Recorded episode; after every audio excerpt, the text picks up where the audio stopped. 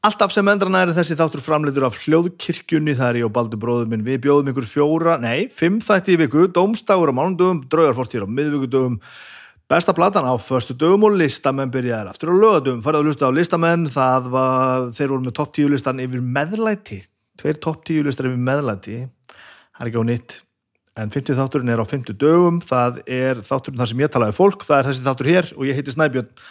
Þetta er þátturinn Snæbjörn talar við fólk. Yeah.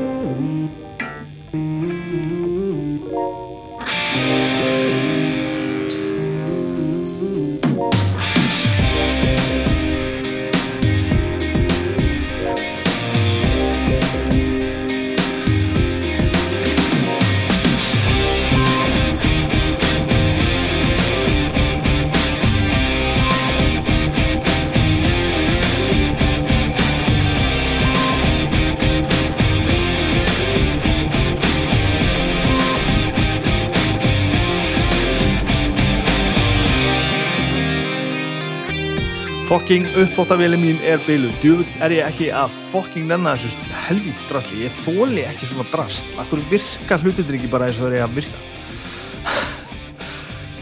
Ég hérna, þetta, ég var náttúrulega státt um aðeins um daginn, ég, ég gerði við hana, gerði við hana, hún, hún kvartaði hérna um daginn þegar við vorum í íbúðun okkar, hún var hérna, vorum með hana, lánuðum vinnum okkar hana hérna í nokkar daga og það bílaði eitthvað og auðvitað var Flexi sem var hérna í íbúðunni, hann skoðaði þetta bara eitthvað og opnaði eitthvað hérna neðan og þurkaði upp einhverja bleitu og allt virkaði og ég svona fór að, að, hérna, að ráðum hans þetta gerist aftur og þurkaði upp þessa sömu bleitu, búin að gera það tvísvar, vitandi náttúrulega þá er eitthvað að en það líður alltaf svolítið tíma milli en ég þarf ekki að hugsa um þetta, þetta tekur ekkert nema svona korti 20 minnur að gera þetta og þá þarf ég ekki að hugsa um þetta. En svo bara gerði ég þetta í fyrir dag og setti svo vilin í gang og það var alltaf læg og svo setti ég hann aftur í gang í gær og þá var þetta strax bilað, það er einhver, einhver leki og það er einhver, einhver affallsbakki sem fyllist og þá er einhver nemi sem kvartar undan þið og þá get ég ekki nota vilja sem er sennilega gott því allt, annars myndi allt flæða hendur parketið mitt og allt verið ónýtt. Ég er samt brjálaður, okkur virka þess að djóðsins græjur ekki? Og svo alltaf einhverjum svona snillingar sem kom og segja við mig hérna, já, nú, þú fer bara með hana eitthvað hérna, fer með hana, veist það, þetta er ekkert mál. Ég nenni ekki að fara með þetta mitt. Ég vil bara, ég vil bara að þetta sé lægi og ef þetta er ekki lægi, þá vil bara eitthvað komi og, og geri við það. Þetta er ekki þetta er ekki gott start. Ég þarf að gera eitthvað eins og ég er alveg, þetta er alveg hérna það slega mig, sko. Ég get alveg vaskað upp, það er þetta hundleðilegt en það sé eitthvað svona bíla sem að ég ræði ekki við að gera við. It. Því með benda mér á einhvern ótrúlega ótrúlega uppþótt að vila viðgerða aðila sem kemur til mín og, græjar þetta helst. Herrið, það er nú samt margt gott að frétta sko. Ég randaði hérna um það síðast að þetta að hérna, ég ætlaði bara að hafa þetta sem ég vil ég er alveg akkur, akkur til að gera það ég er bara að randa um það sem ég vil. Og já, það er kannski aðeins farin að hætta því hérna, aðeins farin að hlýfa fólki við þessu bulli hérna. Ég, ég, þetta opnaði fyrir einhverja flóðgáttir ég fikk ógeðslega marga posta sem ég ætla alls ekki að lesa alla uh, og gleðu mig svona hérna fólki sem leggur svona aðeins líka á leiðsina svona til þess að láta maður vita að sé að hlusta. Þá er hérna til dæmis Björg hérna sem sendir mér skilabóð við erum langa, lengi langa til að senda það í línu en almennt ekki típan sem aðeira stað og sendir út hugsunaði hugsunaði sínar. Uh, en svo var það var ekkit úr því fyrir núna en eftir að ég síðast að þetta og last bref sem þið bast sem var hann að brefið frá, já, frá Mikko, ég hætti hans ekki Mikko gaurinn sem að uh, saknaði þess að ég var að randa þetta. Um, og segir svo bara þarf að taka heilsugar undir það allt sem þar kom fram, plís ekki hlusta á þessar örfáðu gaggrinnisrættir sem blasta um að bla, um, sem blasta hugsaðirinnar og gera þetta bara nákvæmlega og líðu, þér líður vel með því, ég get lofa þér því að við erum miklu fleiri sem elskum þetta nákvæmlega eins og þetta er en það er því miður oft þannig að maður lætur ekki heyra í sér á meðan maður er sattur heldur byrja svo bara að bauna þegar það er eitthvað sem manni mislíkar. Og svo heldur hún hérna áfram langt bref og ógeðslega gaman að lesa og þau eru nokkuð svona, þetta er skemmtilegt. Og ég bara, þá er það bara þannig ég, og ég veit það, það er bara gott að fá svona klappabakið, ég ætla að gera þetta eins og ég vil ég ætla að tala um það sem ég vil og ég ætla að tala við fólk sem ég vil. Í þeirri röð sem ég vil. Það er þannig sem þessi þáttur verður. Ég heiti gamla félaga minnur hérna úr pönginu og hardkorinu mitt um daginn, ég var í klippingu hjá, hjá hérna hjá stjúra og hann var þessi ágættis félagi minn nýbyrjar að vinna á Kormungur skildi þar sem hann stjúrið með, með stólinn.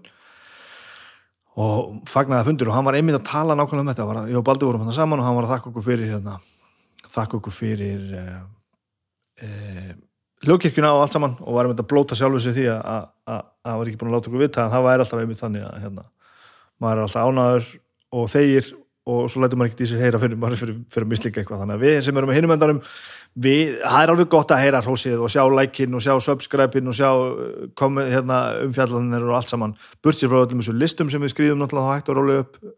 Þá er bara þá er, er, við erum bara lítil börn, við viljum fá að vita þegar, þegar einhver er ánæðið með okkur. Og hafa nóga því þessari viku. Takk alveg fyrir það og þetta er, er allt gott og allt gaman allt gott og allt gaman. Við erum bara að horfa svolítið á sjónvarpið eh, þar sem að hæst, hæst eh, ber var nú æðalega við klárum, við tókum hérna Suicide Squad myndina báðar, gömlu myndina sem heitir Suicide Squad frá 2016 tókum svo Harley Quinn myndina og svo The Suicide Squad sem er ný, ég held ég hef ekki séð var ég búin að sjá netta þessu, Harley Quinn fór einhvern veginn svolítið framjá mér alltaf. Þeir sem eru eitthvað einn í teknimyndasögu heiminu vitir alltaf hún er kærasta Joker og, og, og alls konar, hún er ógeðsla flottu karakter og ég veit ekki alveg okkur ég bara, hérna, hún fór eitthvað undir radarinn hjá mér, ég veit ekki, ég er svo mikið stórkostlegu superhetju nörd, ég les tekníkdarsögur um margt annað heldur en það, en enga síður, ég hef nú haldið að hérna hefði nú haldið að, að ég hef náttúrulega vita beð eitthvað meira sko, en hérna, Margot Robbie er geðveik í, í, í, í þessu hlutvikið og hún gerir þetta ógeðsla vind og vel og þessar myndir eru bara, eru bara fínar, ef ég hef ekki sett á nýjasta myndin er bara drullu góð, farið, tekki ég bara á henni það er það sem fylgir þessu sjónvarsglápi er það að við notum svolítið Apple TV í þetta allt saman. Svo ég hef nú margar aðrar aðferði til þess að horfa á þetta. Og svona aðgengilegastu höppinir í gegnum Apple TV við erum gott sett upp hérna sko.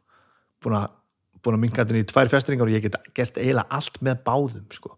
Fátæki, þetta er allt gott. Nú er ég eins og að náttúrulega komin í sömu lúpuna á þegar að PlayStation 5 kom og ég átti hann ekki sko. Þá gæti ég ekki nota PlayStation 4 tölvuna að því að það var komin 5 og nú er komið nýtt Apple TV og ég er alveg veikur sko. Nú finnst mér þetta Apple TV er alveg hellaf þetta er alveg ónýtt, ég verða að fá nýtt. En það er einn auglóskalli við hérna við gamla Apple TV, það er þessi fjärstyring með þannig að snerti pattinum hann og þetta er hundleðilegt að stýra þessu sko. Þetta er bara ekki góð hugmynd, allt svona eitthvað eitthvað strúka og fylla þetta verður að, þetta eiga bara að vera takkar. Þetta eiga bara að vera takkar og nú get ég tekið hér gríðalegt skipti yfir í, hérna, í samstafsæðala þáttarins því að eh, ég fór náttúrulega bara Siemens Pay appið sem eru með mér hérna búin að vera síðustu mánuði, fór þar inn og þar inn í genum markastorgið allt saman get ég fórið til dæmis inn á, á Sima Vestlununa og þar get ég náttúrulega fengið bara nýtt Apple TV í gegnum Vestlunum Simas, í gegnum Siemens Pay appið og þetta kostar eitthvað 35 úrs kall, kannski fengir maður eitthvað, eitthvað fyrir gamla sko.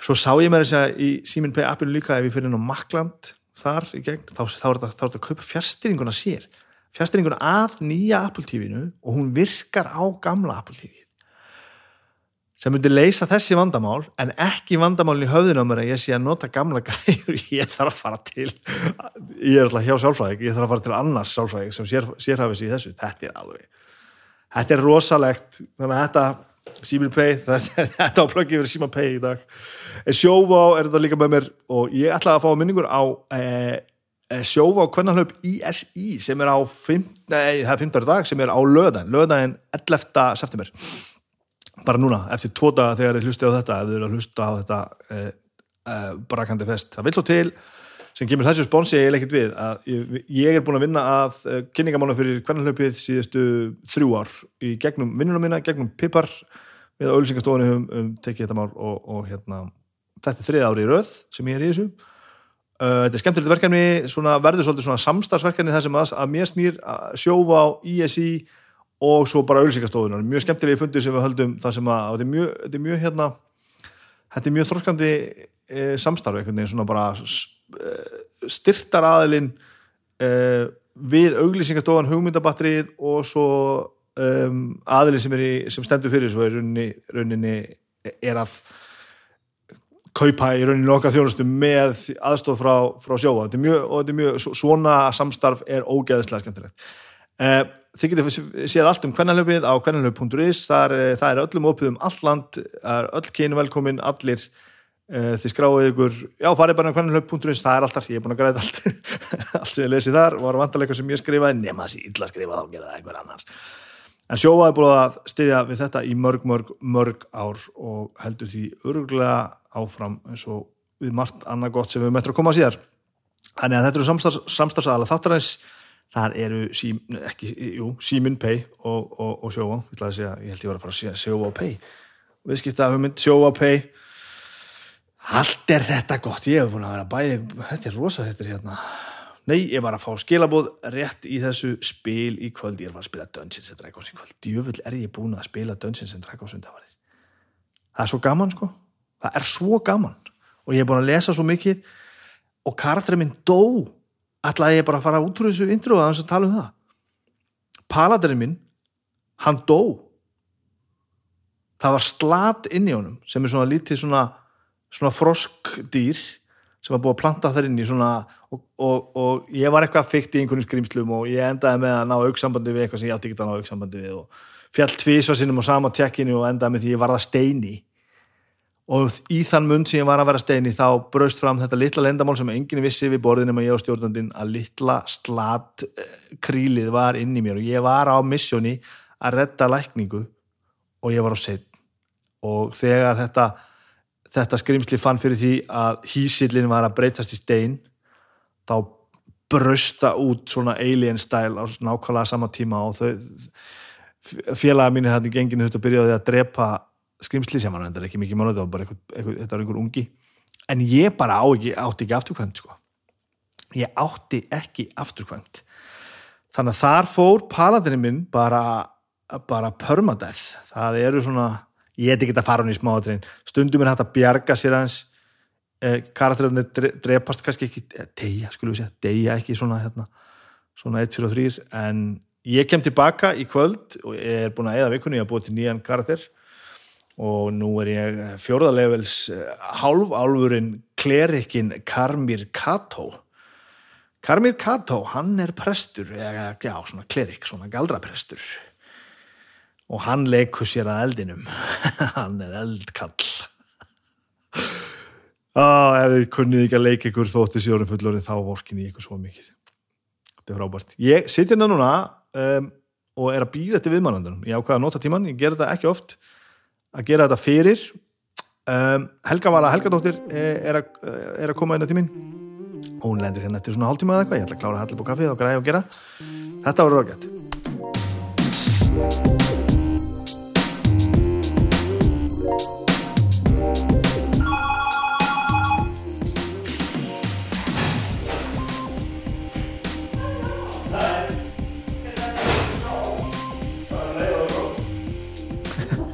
En þú gerir það ekki alltaf hvers, gó, góða hjólið sem þú getur alltaf farið bara Ég veit ég er búin að setja í gang, þú skal tó- tóa þetta bara eins nálættur og þórir eða þú veist, litrilega eins nálættur og þórir þá er litli bróðið mér annaður því hann er að pródusera þetta. Já, ok. En þú veist, þú fer ekki að gönguskíðum þú, stekkur ekki bara eitthvað út bara og fyrir gönguskíði, sko. hjólið er samt þannig að þú En ég, samt á Ísafirði og, og þar, vestfjörðum, Já, þar er fólk búið að taka gönguskiðin upp á næsta level og vera með hjóli líka. Hjól Já, undir, já, hjóla gönguskiði altså. það er svo mikið statement að gera það sko. þú þarf að vera svo mikið þessi manniska það. Það er bara svona, ægætlir hjól maður. Það er ekkert vesinn, sko. Er þetta eitthvað neginn sko. þetta er svo, já ég, þetta er, þetta er rosalegt sko. Að hér hjóla allir, það er bara þannig. Hér hjóla allir. Og sumir eru of góður til að nota hjólastíðana því að eru svo dýr hjól og har svo rætt komar á göttri, alveg ægilegi töffarar.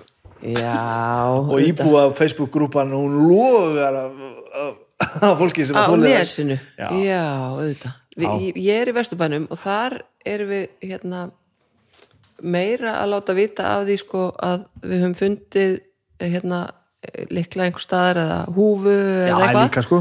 Og svo er þetta kísunar já, dýrin, algjörlega Já. sko og þar, þar á ég svona svolítið vel þekktan kött. Sem að ratar ofta síðuna. Hann ratar svolítið oft á síðuna.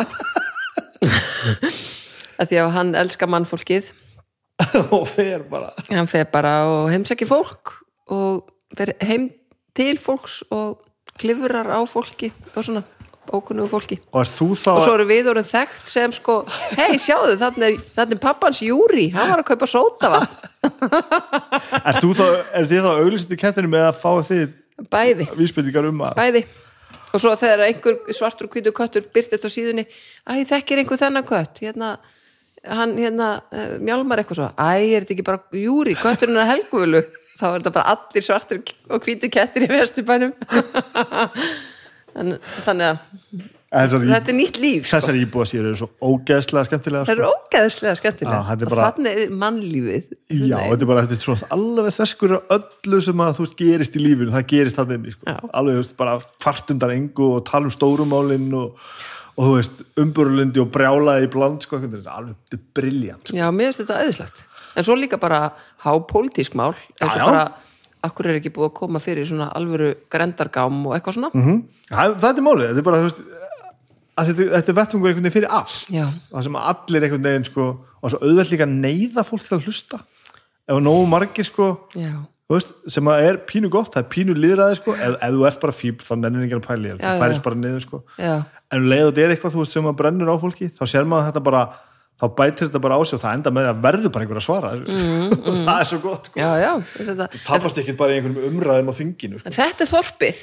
Þannig er, Já, þetta er face, það. Facebook er þorpið. Það er pínu það sko. og hérna einsinni voru við með Stefán Jón Hafstein sem svaraði síman, hann og Sigur G. Tómasson alltaf setnipartin, þegar ég var að alast upp þá hérna hlustuðu pappmamma á þjóðsáluna þjóðasáluna þeir náttúrulega hlustuðu rosalega mikið útvarpið alltaf. Og hérna það var alltaf þjóðasálin. Ég, ég, þú veist, Ekki í, í hugsaði um minningunni var þetta örgulega klukkutíma hluti af þættinum en þetta var örgulega ekki það þetta var Jú, bara, ég held að þetta hafi verið langt bara síðasti klukkutímin, bara þjóðasálin Eh, á síðasta hverjum einsta degi var, klukkutímin af hverju? Þeir voru með þarna síðdeis útvarpið á rástöðu var þetta partur af því? já, já, já. Já, ok. Já, í minningunni er þetta þannig minningunni er þetta þannig að þetta var langt sko. Mm. þetta var ekki bara eitthvað svona að taka einhver 2-3 símtur þetta var bara nei, þetta var bara málfundur. En þetta varð ljótt það er ekki rétt munið á mér þetta, þetta varð sko rætt, Að- að- rættið og svolítið já. svona, svona svolítið mikið sl- slúður pakki það ekki jú, kannski en kannski ekki, ég ekki. ég, ég man það ekki alveg ég var, eil, þetta var bara svona ég var ekki hérna orðin nógu fullorðin til þess að vera að, jú, þú veist, ég var auðvitað fullorðin þannig að ég var svona síðunglingur en Já. áhuga mitt var ekki alveg þarna ég á einhverja minningu um að vera að hlýja mér er í réttum í húnaðarsýslinni mm. og ég er inn í bíl að hlusta á útvarpi og þetta er þar Já. og eitthvað svona, ég ætla nú bara að vera sammála þessum sem hringdi hérna síðast alltaf, þetta svona bakka hvernig hann upp mm. ógæðslega fyndið sko. þetta er skemmtilegt er núna eru, eru þetta hverfi síðunar, það eru svolítið þarna þú meina það? Já. Já, er það ekki? Jú, ég held að sé rétt sko. eða fer eru eftir hverfum svo sem en þetta finnur sér alltaf farveg sko. mm. þú veist, þetta eru kommentakerfin eru náttúrulega eitt sko. þau eru svolítið hérna svelgurinn á svolítið saman sko. Að- en, en þetta er samt alltaf þú veist, við tölum minna saman um kaffevílina þegar við getum gert það á, á, á Facebook sko. já, þetta hefur alltaf verið svona, alltaf þessi kreðsa að, að þurfa að svona, ég hef skoðun á þessu og þetta er svo skoðun já, já, já, klárlega og ég ætla að viðra hana við ykkur öll veistu að það gerðist eitthvað núna fyrir einhvern tjónu sumar að þá, þá hérna breyttist, ég veit ekki ég er ekki nógu tölvu vætt er þú ekki svona tölvusnillingur líka? Nei, ok, og þetta vera góður svipur sem kom að það já, já. en þú veist, hérna það breyttist eitthvað, þannig að ég fæ ekki lengur kommentakerfið í síman minn ef ég er inn á vísi eða eitthvað Já. eða divaf eða eitthvað þá bara er ekkert, er engin komment og það er það það er kannski þess vegna sem ég er svona glöð þessa dagana, því að ég bara hugsa bara vá, það eru allir eitthvað svo vingjallir það eru allir eitthvað svo næs og frábærir. Af því að það, ég sé ekkert af því sem er hann, ég sé þetta því ég opna tölvuna. Ég hérna, en nú er ég svo ógeðslega mikið á ferðinni þannig að ég næ sjaldnar að opna tölvuna og fara yfir fréttina þar. Ég held ég hafi bara aldrei lesið kommentakerfin sko. ég veit ekki hvernig ég komist hjá því. Já, ok. Þe- þetta er bara einhver svona partur af bara þú veist eins og veist, ég les ekki viðskiptablaði sko. Veist, það er einhvern veginn Já. bara, það er ekkert þetta sem Nei. kallar á mig sko. Og bara, og þa þannig er bara eitthvað svona er bara eitthvað svona part, hljómar eins og þessi gett góð með mig, þessi hvað ég verið þetta hafinn sko, sem er ekki það sko, en ég einhvern veginn bara en það er náttúrulega engin næring í þessu nei, þetta er, þetta er bara sort já, sko. þetta, það er annað það, þetta er soldið já, já, einmitt þetta er annað þegar við erum að tala um þetta þessu, stemningin eins og maður allavega eins og ég manið á þjóðasálinni, þú veist, það var allavega að vera að tala um eitthvað á einhverjum og það er einhver stjórn sko, og svo þessum tala um íbúasíðunar það, það verður einhver svona umræða. Þetta er bara svona einhver einræða sko. Já, og bara neikvægt, þetta er allt vond. Djúvill Já, þetta já. umrætt allt saman. Já, það er það. Það er, þú ert að koma inn til þess að gaggrína það sem fjallæður um. Og hafa sko, akkur hefur skoðun á öllu hvernig getur þú haft skoðun á öllu? Getur ekki verið að hafa skoðun á öllu? Hæ- hættu að tala stundum sko. Og ég er ekki að tala við þig þú ert að tala við mig. Þig eða eða þú það við Það er ég bara- tók þetta beint í mig já, ég, ég veit það. Ég veit. það er, það er magnað að þú þurfir að sjá þér alltaf knúin til þess að bara, ekki þú, fólk, já, sjá þessi knúin til þess að þú veist, hér er verið að fjalla um eitthvað, mér finnst eitthvað um það, en, finn, en sko það, það er eiginlega magnaðara að sko þú finnir þig knúin til þess að að, hérna, að láta aðra vita um skoðunum meina þú hefur skoðun á hlutunum en, en þarftu að skrifa það á vefsíðu sem að fær 400.000 heimsóknir á hverjum degi? En, en erum við, ertu ekki á raungum enda, sko, ertu ekki með skoðun til þess að geta sagt fólki hana, ef að þetta væri, það væri ekkert átlegt fyrir skoðununa, þá held ég væri alveg sama, um svona ansi margt, sko. Vá, já, já, já, byttu nú við Ég held að hvatin sé miklu meira bara, en nú verð ég að láta mér heyra.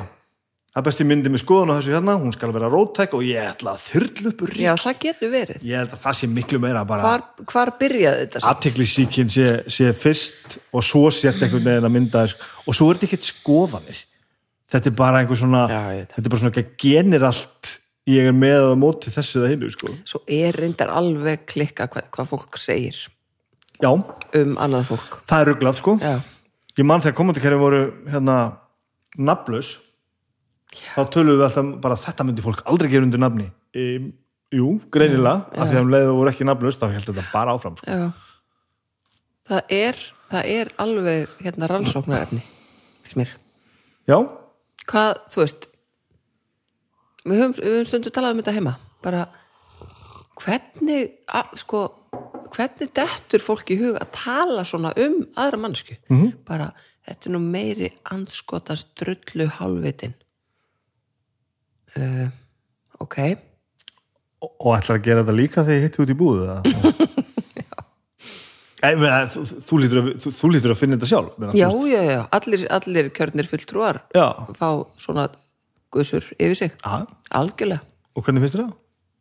ég, ég tek það ekki nærri mér, mér þú veist, þetta hérna það er bara alls ekki þetta fer ekki neitt sko með mig, en hérna ég held að þetta trubli miklu meira fólki í kringum mig Já. sem að, hérna, sem að þykir væntum mig af einhverjum ástæðum, sko Mm -hmm. held það, held að stuði meira það fólk, Já. af því að ég er nefnilega, sko, við fáum líka rósið, við fáum líka hérna í grammitinu í, í krónunni, sko, kemur fólk og já, segir, já, já. mér langar bara að segja þér að, hérna, hvað ég er ána með þig eða eitthvað, en það, það er sjaldnast kannski sem að, eða ég veit ekki. Mm en fólk er sjaldnast að segja það í svona komendakerfum, sko. Já, þess er nú ansi eitthvað, já. fyndið. Já, ég var hérna rétt á hann að taka upp intro þessum þætti sem ég gera ég held, alltaf eftir þættina en ég bara einhvern veginn það datt einhver döðu tími þannig ég ákvaða að setja sniður hérna. og ég var að tala nákvæmlega um þetta því að að eitthvað saman þennan þátt hérna eitthvað ég, hérna, ég var eitthvað fann að breytingur í, ég, veist, ég var að tala eitthvað minna í byrjun og eitthvað svona, ég byrjaði alltaf alltaf ægilega að ræða um hvað sem ég var frábær eitthvað þú veist, og, og svo datt ég inn í þetta að fá einhver nokkuð kom- kommentum það bara fólk að, að djöful talar um mikið í byrjun á þessum þáttuðinum og ég bara, já, ég finnst það gaman. Mm. og svo held ég alltaf að ég láti ekki hafa neitt áhrif á mig sko og, og hérna og, en svo fattaði ég að fara að stytta þetta sko. Já, og svo fekk ég bara post frá manni sem sagði bara ekki gera þetta og ég vil fá að vita hvað þú átt að segja. Og ég allir svona tókst allir á loft sko og sagði frá í síðasta þetta og svo skópst alveg ægilega umræði einhver fullt af posti núna sko. Og rosa margir sem er að nefna nákvæmlega þetta sem þú ert að segja. Þú veist eh, ef við erum glöð þá segjum við aldrei neitt. Ef við erum ána með eitthvað þá segjum við ekki neitt. Og, en um, ef við erum ónæð þá kvörtu við sko. já, það látum við ég bara heyra hana, og, og þá heyrir maður þessum tíu mann sem segir bara djöfull lenningi að hlusta það með að það eru sko þúsund mann sem að finnst þetta frábært sko. þannig ég er bara svona tókst allar loft og tók þetta með mér sko. ég veit það, Já. og maður rósar viðkomandi sem tekur á móti bara, já, takk en það fer, þú veist, ég tala svona um að setja þetta hérna í litlu hóluna sem er hérna við hérna á hálsinum, fyrir ofan viðbeini ég geimi það þar þú veist, og næ í það þegar allt er í klessu þú Já, veist, já. Og allt í bara, já, ég ætla að fara að sækja hérna kommenti frá konunni hana sem að, að þú veist, eða manninum hana. Já, en þú veist, maður man þetta, maður man hrósið. Já, maður gera maður, þegar maður er alveg hérna komin í skrúun og hugsa bara, djöfill er þetta ömulegt allt hjá mér? Þá er svo gott að, muna það. Absolutt, og þess vegna líka, því að hérna krakkandi mínir sérstaklega svona þegar voru yngri unglingar sko, þeim fannst þetta svolítið vandræðalda því ég, ég sko, rósast fólki stundum bara veist, við erum út að borða og svona og ég bara rósa fyrir þjónustuna og, eða bara eitthvað þú veist, já, þetta var frábært bara alveg sama hvað það er, eitthvað. Mhm. Uh, og þeim fannst það alltaf svolítið vandræðalegt. Já, að segja þetta?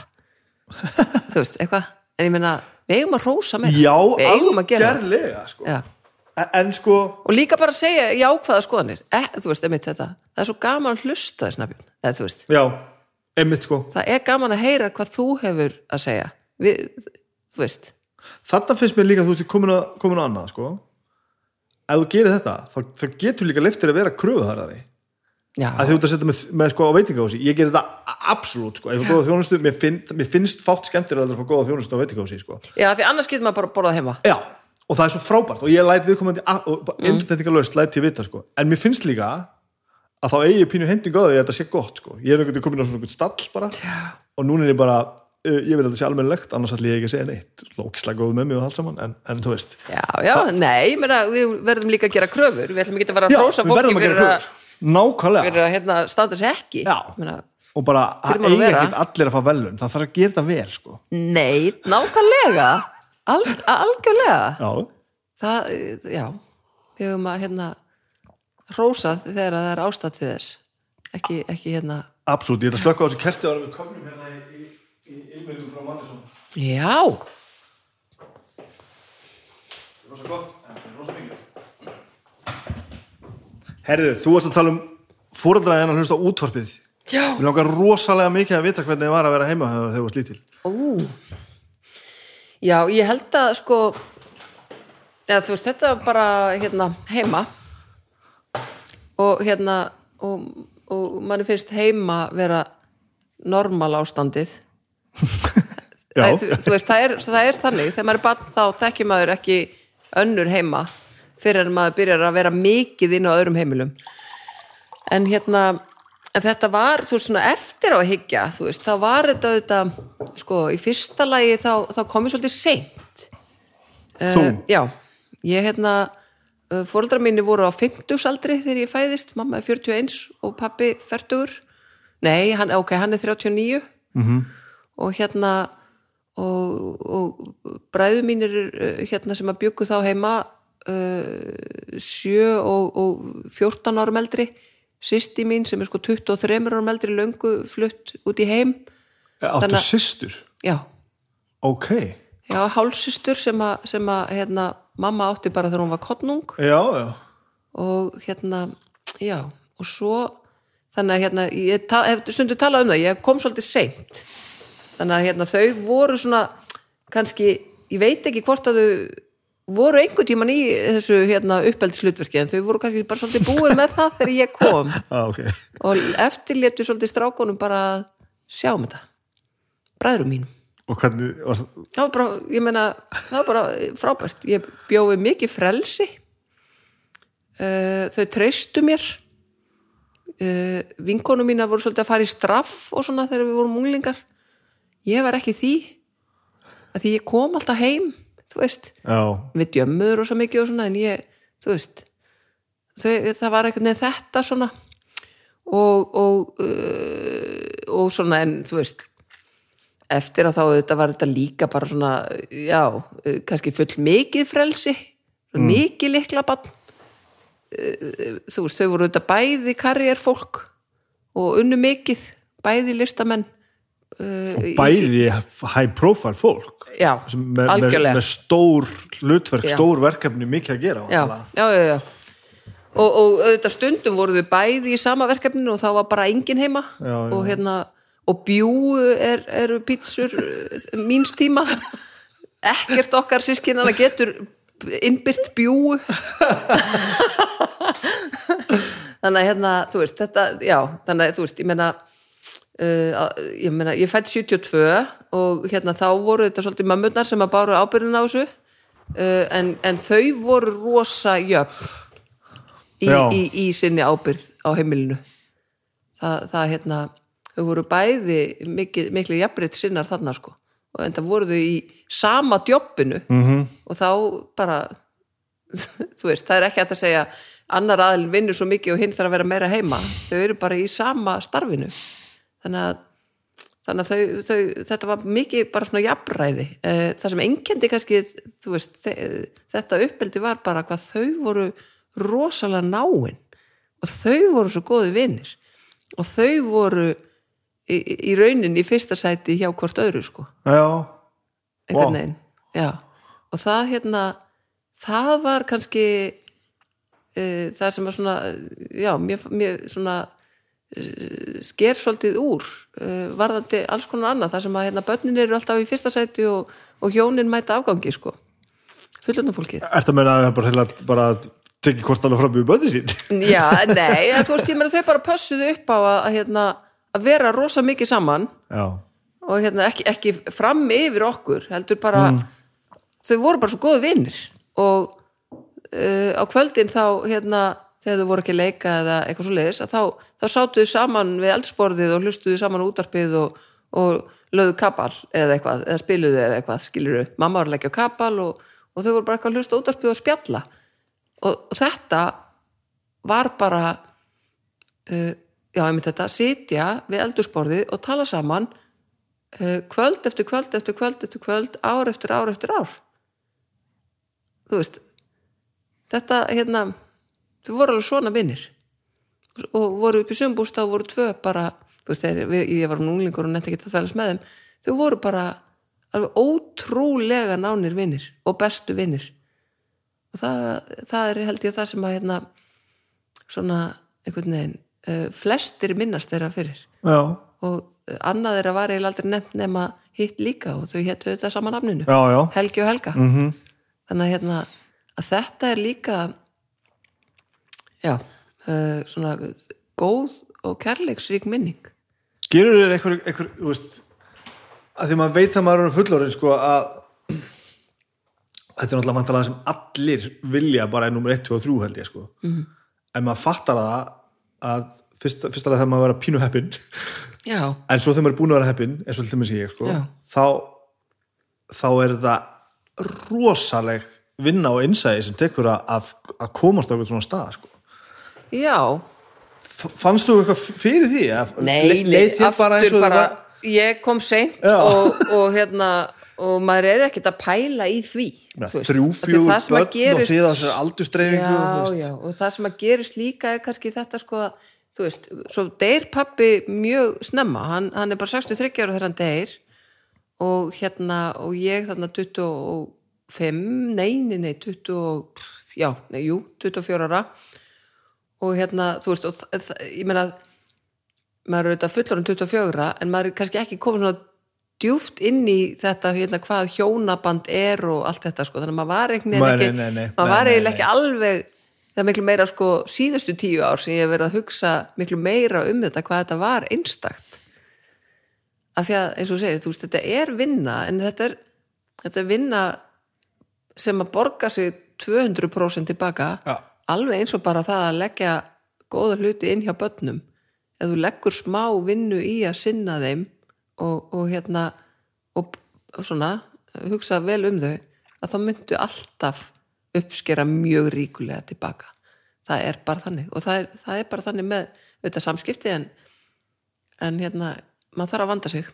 Þetta er virðing og, og auðvitað ást og svo bara þessi vinátt já, djöfull er ég samanlega Já. djöfull er ég mikið samanlega það er þetta, þetta, þetta, þetta er svona þessi félagskapur, þessi vináttan sko. Já, og kannski líka að því að maður er nú svo helviti gamall sko, ég er 49 ára. Að þá hérna er ég að detti þetta að verða rosa þakklátt fyrir það hvað ég er heppin ég er 43, þetta er, er löngubyrja á mér sko. en þú veist, ég er mér svo oft að því þegar maður er búin að vera líka bara í einhverju argaþras í vinnunni og kemur alveg óksla tættur og eitthvað svona finnst mér svo gott að eiga svona svona atkvarf heima hjá mér. Það sem að er bara algjört vin einhvern veginn. Svona, þetta er svona skel og þarna er alveg bara ég hik ekki við að Það gera er svo út að segja, já, það er best. Það er svo gott og þetta er ekki sjálfsagt og þess vegna að mun eftir að vera bara þakkláttu fyrir það. Að því að sumir veginn, sumum líður ekkert vel heima þessu vilja bara helst vera alltaf þar já. Ég hik ekki við að alveg börnum mín og, og rekta samböndum mín af eigingirni sko. Já. ég hef það þegar ég finna ég nenni ekki meira, að get ekki meira að þú veist, vildi vera að gera eitthvað annað sko. ef þú dörrullast þess að sinna þessu núna þá verður þetta frábært sko. mm. veist, e ef ég er ekki börnum mín þá verða þau bara óþólandi sem þetta er sko. ef ég sinni þeim og, og bara, þú veist, legg frá mig síman og geri þetta, þetta sem ég gerði bara henni síðast í gær þá veit ég bara þetta verður allt þessi 200% sem þú sagðir, þetta kemur sko. Og, og það er ekkert eitthvað fjallari framtíð sko. þá bara verður allt einhvern veginn bara djúvill er allt gott sko. og það verða samskiptin einhvern veginn allt öruvísi og traustið og, og bara allt Já. og það eru þetta bæði, það eru þetta bara uh, við alla í fjölskyldunni líka magga Mhm. Já. ef, þú- ef þú hérna, leggur frá þér síman og, og, og, og talar við þá verður allt einfaldara ég verð að spyrja það einu með pappa þinn já, söngan mikið eða yfir höfuð hann söngu þetta inn á heila plötu ég veit það það. Að því að einhvern veginn sagði við mig Já. já. hann, já, hann söng aldrei sko. Og ég bara, "Eh, eh, jú, já, það er fucking líði ég, ég, ég skal bara sína þið plötuna sko. Sko, hann söng ekki mikið, hann var í nokk, e, e, sko, örfáum söngleikjum. Ég man sérstaklega eftir My Fair Lady já. en hann var ekkit rosalega sterkur söngvari. Hann er, en hann þessi æfintri Marathonborg er frábæla sungin plata. Já, að þú veist að því hún er svo, hún er svo hlý hún er svo, hún er svo litrík og dásamleg. En ef maður, ef maður er sko hérna, tónfræðingur eða eitthvað, þá getur maður fundið út að hann kannski þú veist, hann er ekkit alltaf alveg onnit nei, það er engin komist langt á því að vera alltaf bara alveg onnit sko. Nei, og það er ekki til neitt sem að heiti, hvað heitir aftur svona, svona, hérna, æ, svona mikrafót sem að passar tjún? Autotune? Já, Nei, það var ekki komið það var ekki búið að finna það upp Nei. Nei, en hann, hann söng ekki mikið. Nei, en hann var sko rosalug píanuleikari og uh, hann sá fyrir sér þegar hann var í leiklistarskóla þjóðlíkursins uh, með því að hérna, spila undir á æfingum hjá íslenska dansfloknum það voru þeir með live píanuleikara og það var hann? Og hann, hann tók að sér þetta meðal annars, það voru þetta fleiri en hann, hann satt þarna og sá fyrir sér þarna á meðan hann var í skóla. Það var auðvitað ekki búið að finna út neitt sem heitir námslánakerfið en eitt svo leiðis nei, nei. Hann útskrifaðist úr, úr leiklaskóla þjóðlugúrsins uh, 1954 þetta er svo gott. Já, þetta er svo gott sko. Og hérna, en þú veist að því þú varst að spyrja hvernig væri, hefði verið að vera þarna sko, þú veist uh, þau, sko þetta var auðvitað hérna, uh, þetta, þetta var auðvitað frækt fólk á, á Íslandi. Já, þjóðin átti þau. Heima mér var þetta bara það var ekki mikil svona idolisering heima sko og, og, og popkult var, var oft svona frekar svona frekar svona fóröldar minni grettu sér frekar heldur en hitt sko. En þetta, þau bæði voru alveg svona það var, það var alveg bara svona. Já, Helgi og Helga eitthvað. Já, og svo þetta fór hann sko, tó, fór mikið í bíómyndirnar og, og náði svona smá svona einhverju svona Norðurlanda aðtegli þar sko og eitthvað aðeins víðar -hmm. það var rosa skemmtilegt og það var kannski fyrst þá sem að þau svona náðu að eignast smá pening náðu að kaupa nýjan bíl að að þú veist þegar ég var allast upp þá áttu við aldrei bíl sko Nei. það var til bíl þarna áður áður en ég fættist en svo keftuðu hús sem að hérna við áttum sem ég ólst upp í hérna á sögutunni hjá kirkjugarinn með þar mm. og hérna en, en þarna allt í einu þá svona þegar ég er hérna 12 ára þá allt í einu fyrir að koma svona þú veist að að þú veist þá þurftu ekki að fara á endalösa leikferðir og vinna bæði á daginn og kvöldin og, og allt sumarið í alls konar aukavinnum til þess að bara geta séð fyrir fjölskyldunni. Bara þegar komu að- sterkari verkefni að að, já, það komur svona aukaverkefni sem gáfu aðeins í aðra hönd sko, já, já, og, og tóku langan tíma yfir sumarið sem að annars voru stundum uh, bara döið, sko, þau voru þetta fastráðni leikari við þjóðlíkusið en eh, ég menna við vitum bara að, að, að, að laun listamanna hafa bara alltaf verið sko alveg ógeðslega lág. Það er bara einn og einn sem að, sem að lifir uh, góðu lífi á lista, listamanna launum, ekki listamanna launum heldur. Já. launum fyrir að vera listamæður og það er bara, eru það- bara það er bara mjög fáir Já, og, og það það- er bara þannig ennþá í og þá dag þarftu bara að vera með eitthvað svona vinna í því að vera með feril sko. já, já, það er ekkert, bara öruvísi, þú ert bara pottstjarnar sko. já, já, eh, já, og engin smá sko. Ég meina, ég hef auðvitað verið umbóðsmaður uh, hérna, rockljónstar Mhm. og, og, og, þú veist, veit bara að það er bara engin peningur í þessu Nei. það er ekki hægt að gera þetta að því að þú ætlar að fá pening það er bara ekki séns og það er kannski það sem að hérna, er eitthvað, mér finnst eitthvað svo sorglegt við kerfið okkar sko. Þú veist, að því að nú vorum við í COVID og svona og hérna og það þurfti að grípa, sérstaklega sviðslista fólk, hérna giggara í gigghagkerfinu að það er svo, þú veist það er bara kerfið okkar. Það er bara ekki að fatta hvað þetta er. Það kemur alltaf bara en hvað er þetta að vinna? Ég er, ég er hérna ég er að vinna smá þarna, ég er að kenna þarna þrjá tíma og svo fer ég þarna og lesa auðlýsingar og svo eh, átti ég að vera í stóru stóru sýningu þarna og var búin að bóka mig þarna þrjá mánuði þarna. Já, svo var ég að fara að leikstýra út á landi á grunnskólanum í reyðafyrði þarna í, í, í fjóra vikur og svo er ég, þú veist og þá kemur bara tölvan hjá vinnumálstofnum og segir, nei, hvað er þetta að vinna? Þetta ég er að lesa auðlýsingar þarna og ég er að, já, svo er ég skemmta ársatíðum á kvöldin og svo er ég að leika ég, ég komst inn á inn í hérna leikrit sem að er, þú veist, batnasýning og rosalega vissal, þannig að ég næja að vera með tvær sýningar lögat á sunda í átján mánuði. Æ, þú veist. Sem er gott Já, það er bara, það? er bara, þarna, þarna er þetta. Að þá loksins gáttu við keift bíl. Æskilur, þetta er bara svona, æskilur ég er náttúrulega uppgjáð listamæður sem fór bara að vinna á já, og það var rosalegt að sjá þá þú gæstu veist, sagt að þú verður að vinna einhvers staðar svakalt að, að sjá já, það var þannig sko. En ég meina ég gafst líka í rauninni bara upp fyrir þessu. Þá veist ég, hérna ég bara nendi ekki að gera hitt. Ég líka. Það er bara það, ég bara nendi því ekki. Ég, var, ég hefði alveg til í það. Ég bara var ekki til í að gera allt sem ég þurfti að gera til þess að láta ganga upp sko. Nei, nei, ég auðvitað líka. Ég, hérna, ég fór út úr þessu. Út af þessu eða? Já, þú veist, þetta er auðvitað rosalega mikið hark. Mm og svo hérna reyndar kom ég heim sko frá Bretlandi, ég verið var að leika í Bretlandi í einni sýningu í svona farandleikhúsi, alveg sjúklega skemmtilegt. Og þá hérna var ég ófrísk. Og þá getur maður ekki farið að segja um vinnur sko á sviði, leiksviði. Að því maður getur sagt, já ég er reyndar að fara í fæðingar og eftir áramót þannig að þá fór ég að vinna í fjölmjölum og bara festist þar í rauninni í fimm ár. En var samt alltaf að leikstýra með og hérna, og kenna svona í skólum og mennskólum og eitthvað svona -hmm. en hérna en þetta er bara hark, þetta er ro- rosalega mikið hark og, og þetta einhvern veginn að vera alltaf að reyna eitthvað, finna út úr þessu. Já og og einhvern þarf veginn alveg að vera sér karakter eða bara með góða fyrirvinnu og við erum alltaf að vinna eitthvað annað að þú varst að vinna. Þú veist, það vill engin þú lesinu auðlýsingar leik, þú, þú, vilt það því að það er lög peningur, sko. Já. en þú veist, það er, ekki, það er engin köllun hjá þér að fara að lesinu auðlýsingar nei, þú verður bara að sjá að tímaðinum og orku og, og ímyndinu og öllu saman. Já, já. Bara, en, og gera þetta með. en það var bara, það var líka hérna, það var líka mjólkur kýrin hjá pappamömmu, sérstaklega pappa já, það, já, já, já. Þa, þá að lesa, líka lesa auðlýsingar Já. já, já, algjörlega. Hann var bara hérna lækjarbrekka já, algjörlega, ég maður til því. já, já. og það hefur verið stór Og- partur á einkominni já, já, já, þetta var það. Hugsa hann, hann las svo rosalega mikið inn á auðlýsingar og alltaf bara jólin voru voru, þú veist, þessi tími.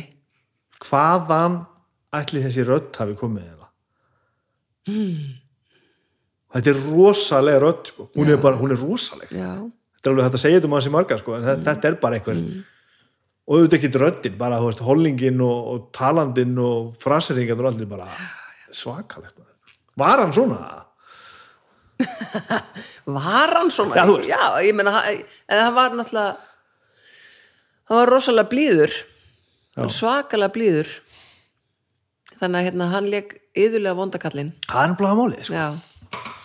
og svo var hann líka og þau bæði voru einhvern veginn svo rosalega laus við einhver svona stjörnustæla þú veist.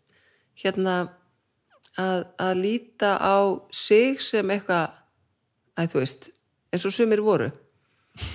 Og sumir eru.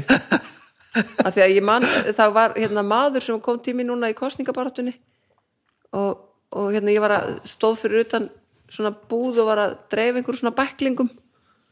Og þá kom að tíminn sem segja mig frá því að hann hefði leikið með pappa í útlaganum. Og honum fannst það svo stórkoslegt að því að hann sagði hann, hann lét við mig eins og við varum bara einhverju jafningjar. Já, já, þú veist, ég bara hérna, ég bara læknir sem að var, að, að var þá læknanemi og var bara að fá að vera statist í einhverju bíómynd. Og hann, þessi heimsfrægi leikar í mínum augum þjóðþektur auðvitað -hmm.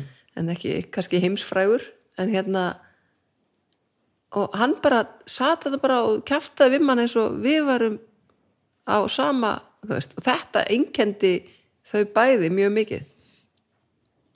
Þetta er rosalega veist, já. það er það. Var, var sko þessum, þetta, hérna, veist ekki hver ég er var ekki til. Ekki til, ekki arða. Og það er svo skelfilegt. Já, það er það. Já, það er það, það er alveg voðalegt alltaf í öllu sammingi já, það það og maður lærir eftir þessum að sammingi stækkar að það er allstað jafnslæmt, það er alveg sama hversu stórt þetta er orðið, þetta er alltaf jafn vond já, já, en nú veit maður, þú veist, þið sískinu öll farið svona einhvern veginn á staði þar sem maður veit, maður veit hverju þið eruð. Er það eitthvað, þú veist er það eitthvað bara sem maður takja heiman eða er þetta bara tilviljun eða? Til í að búa eitthvað til og sína öðrum, skulum við segja. Ég held þetta sé bara algjör tilvíljur sko.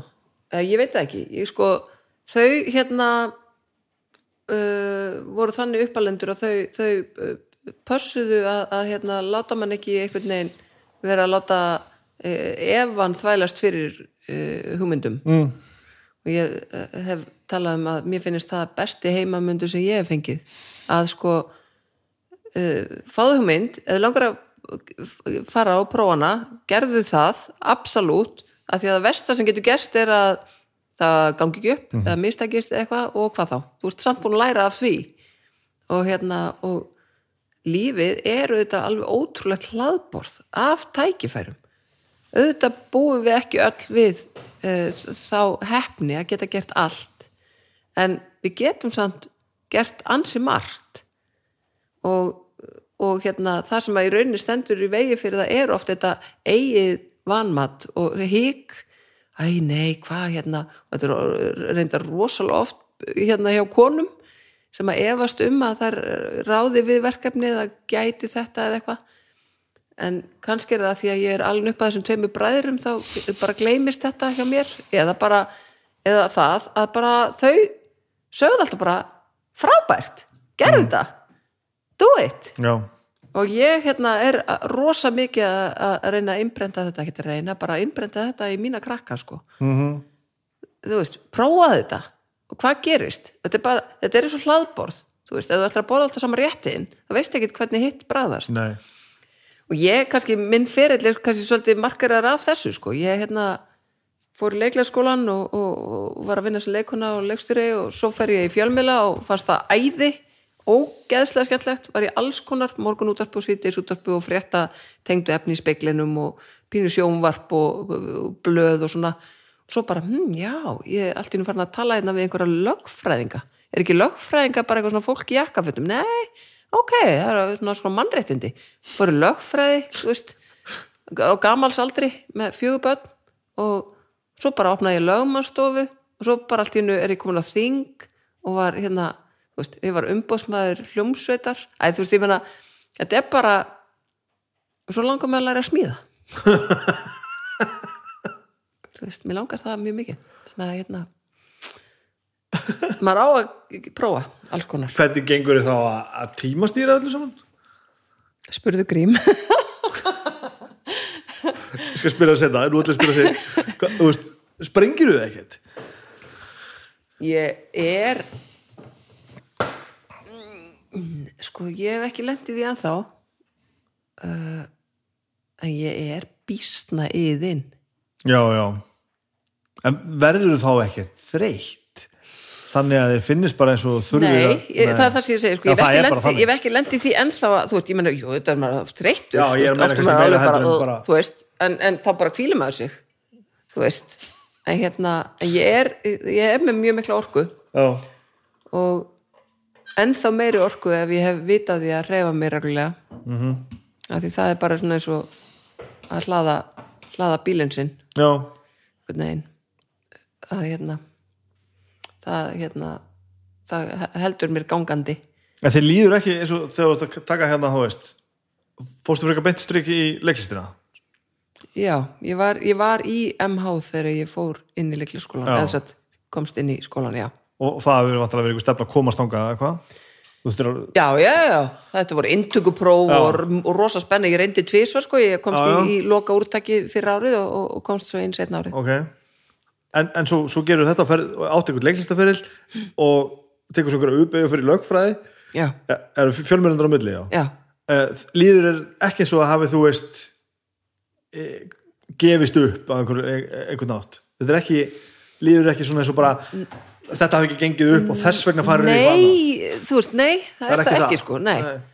Ba bara alls ekki. Eða, veist, þetta var alveg en þetta var reyndar ekki meðvituð ákvörðun þú veist, ég, ég menna ég ætlaði að veist, ég fó bara inn í fjölmiðla af því að ég kom frá Bretlandi og labbaði inn á bylgju og talaði við Jón Axel Ólafsson sem þá var hérna aðal og hérna og spurði hann bara hvort hann væri með eitthvað laust fyrir mig að því mér vantaði vinnu og þá akkurat fyrir helgina hafði gengið út þarna annar aðalinn sem var að stýra þarna síðdeis útvarpinu sem að núna heitir Reykjavík síðdeis og, hann sagði bara, er, hvernig ertu laus? og ég sagði núna, ertu ekki litla sýstina skúla? sagði hann svo við mig og ég alveg, jú, jú, emitt já, spurði ekkert hvort ég kynni eitthvað sko.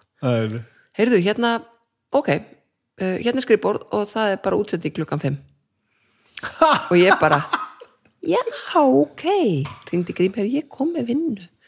Og ég var með makker í þessu, þessum þætti í eina viku. Það var Brynildur Þóransdóttir sem núna er á Akureyri. Og svo fór hún í sumafrí eftir þessa viku og þá var ég bara ein að stýra þessum síðdeis þætti og það var náttúrulega, ég var svo óttastlegin ég kom grátandi heim bara á hverjum degi sko, mér er þetta svo hræðilegt ég var svo vonlaus og ógeslega léleg og eitthvað en svo, þú veist, kom Halli Tost og var með mér í smá, smá tíma þarna um sumarið, fór svo aftur. Og svo var ég bara ein með þetta, þá gæti ég fór í fæðingarólof þannig í, í, í, í byrjun februar og þá tóku við þættinum uh, Þorgir Ástvaldsson og Kristoffer Helgason. Og Já, þeir eru já. þarna ennþá. Er og þannig. barni sem fættist er í Háskóla Íslands að læra lífendafræði og búin að fara í háskóla í bandaríkjunum að spila körubólta og svona. Þannig að það er alveg svona langt síðan. En þeir, they are still going strong. Það hafa mann fundið sig. En þeir eru, þeir eru þarna þá. Þannig að hérna þá uh, uh, og svo bara strax, uh, þú veist um sömari var ég komin aftur í morgun, morgun út að leysa af og og aldrei eitthvað að hugsa aftur að fara þetta tilbaka að leika Nei, svo var ég alltaf sko með því þetta var einhvern veginn svona fastinn þarna Já, var maður já. með steddi innkomu þú veit bara, ég Ég bara byrja með laun, ég byrja bara- auðvisingastofinni svolítið, já. þetta er bara það, þú veist en svo maður er alltaf að gera eitthvað svona til hliðar, taka þátt einhver smá verkefnum eitthvað Mhm. -hmm. og ég er svo sem, þú veist ég menna ég geri það alveg ennþá gerum það já, já, Já. ég var að í einhver sjóastáttum hjá Darra og, Vikingi já, þetta, alveg rétt. Og eitthvað svona og við erum einhver svona pínlutlu eitthvað, já, balta og eitthvað svona, þú veist, einhver Mhm. einni mynd og eitthvað, ein sena. Og hvað er það? það er bara svo skemmtilegt, það, er- það er bara, það er bara gaman. Já, bara stuð. Fyndið. Já.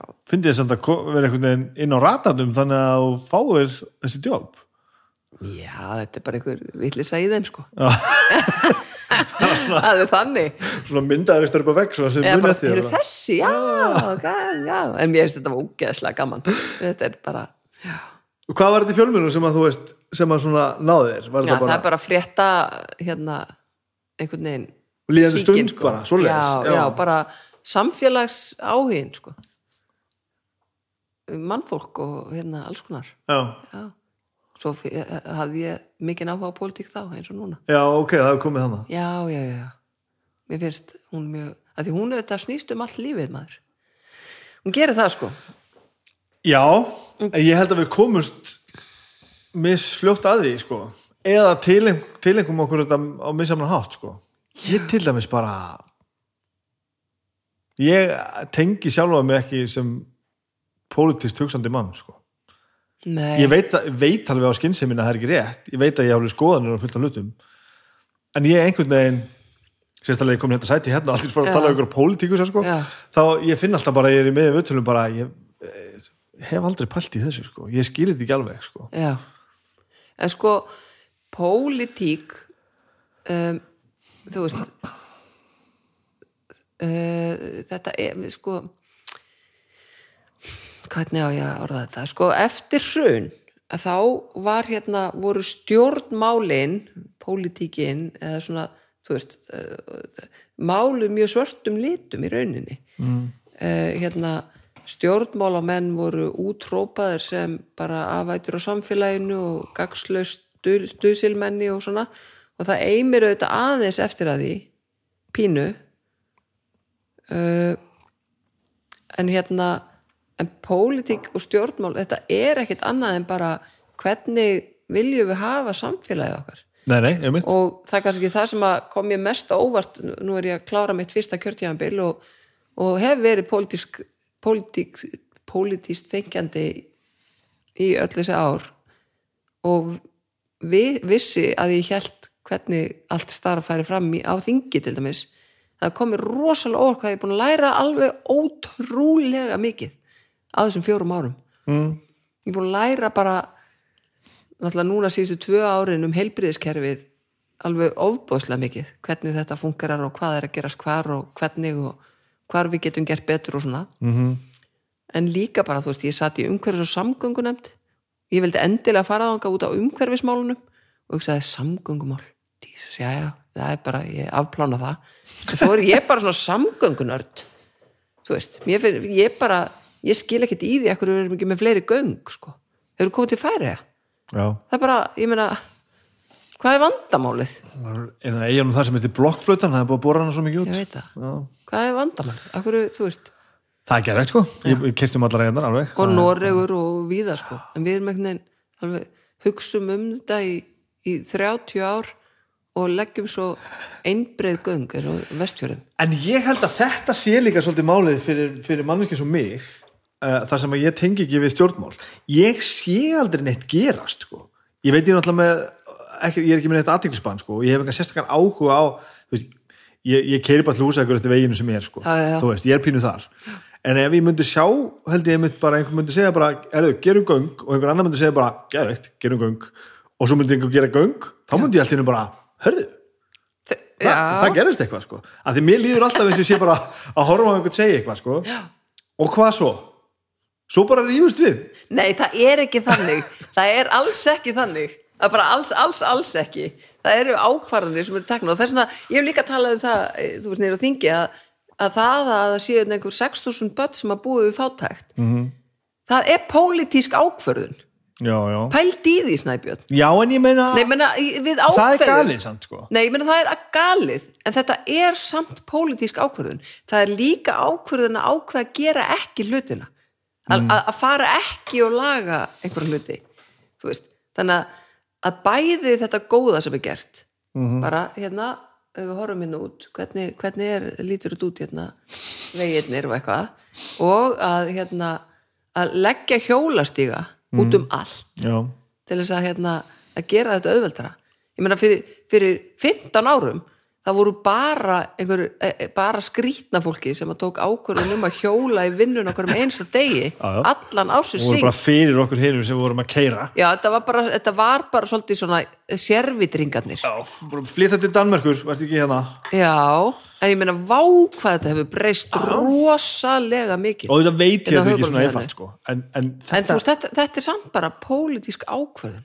Nú ætlum við að í, í andstöðu við fullta fólki, það búið að mótmæla, já bara hérna, endalust fyrir þess að helvíti sjálfreða menn, þetta sem ekki, getur ekki, þú veist eitthvað, en ég meina það er ástæða fyrir því að þetta er jákvætt að því það eru færri bílar á göttunum og þetta bætir líðhelsu þjóðarinnar og mengar minna og hjálpa til við, þú veist, já, ég, ég skil þetta allt, sko. það er bara þetta og yfir í það bara hvað við ákveðum að leggja mikinn skatt á matvöruna sem þú kaupir út í búð. Já, já, þetta er bara allt pólitík, allt.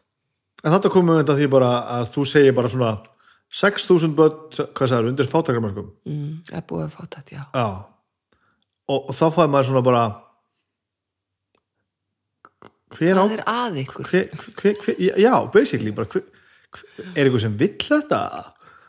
Bara hvern, hvernig á ég að geta einhvern veginn haft skoðun á hlutunum, akkur er þetta ekki skýt með einhver að bóra einhver göng sko að hérna svona fundamental hluti bara ég hef engan áhuga á þessu kerfi þetta gerir ekki, það er ekkert að gerast sko. Eða þú veist það, það, nú er ég svona að lýsa mínum tilfinningum og svo veit ég að þetta er ekki satt sko.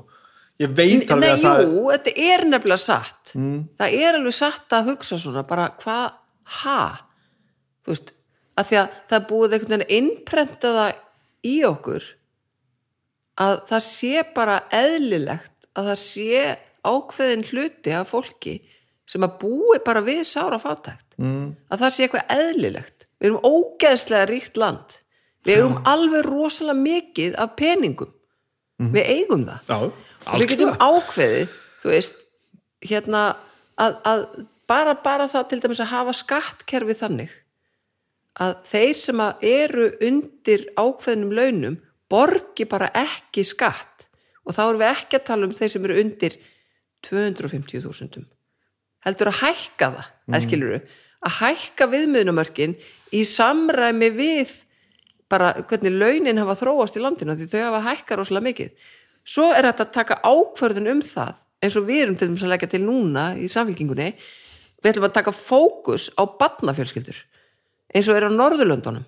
Þannig að það sé ekki bara fátækasta hérna prósentið sem að færa einhverja barnabætur ég meina, millitekju fólk hefur bara ekki fengið barnabætur á Íslandi í, í, í tíu ár eða 15 árið eða eitthvað. Alveg ógeðslega langan tíma. Það eru bara þeir sem eru allir að lægstu laununum sem hafa verið að fá einhverja barnabætur að ráði.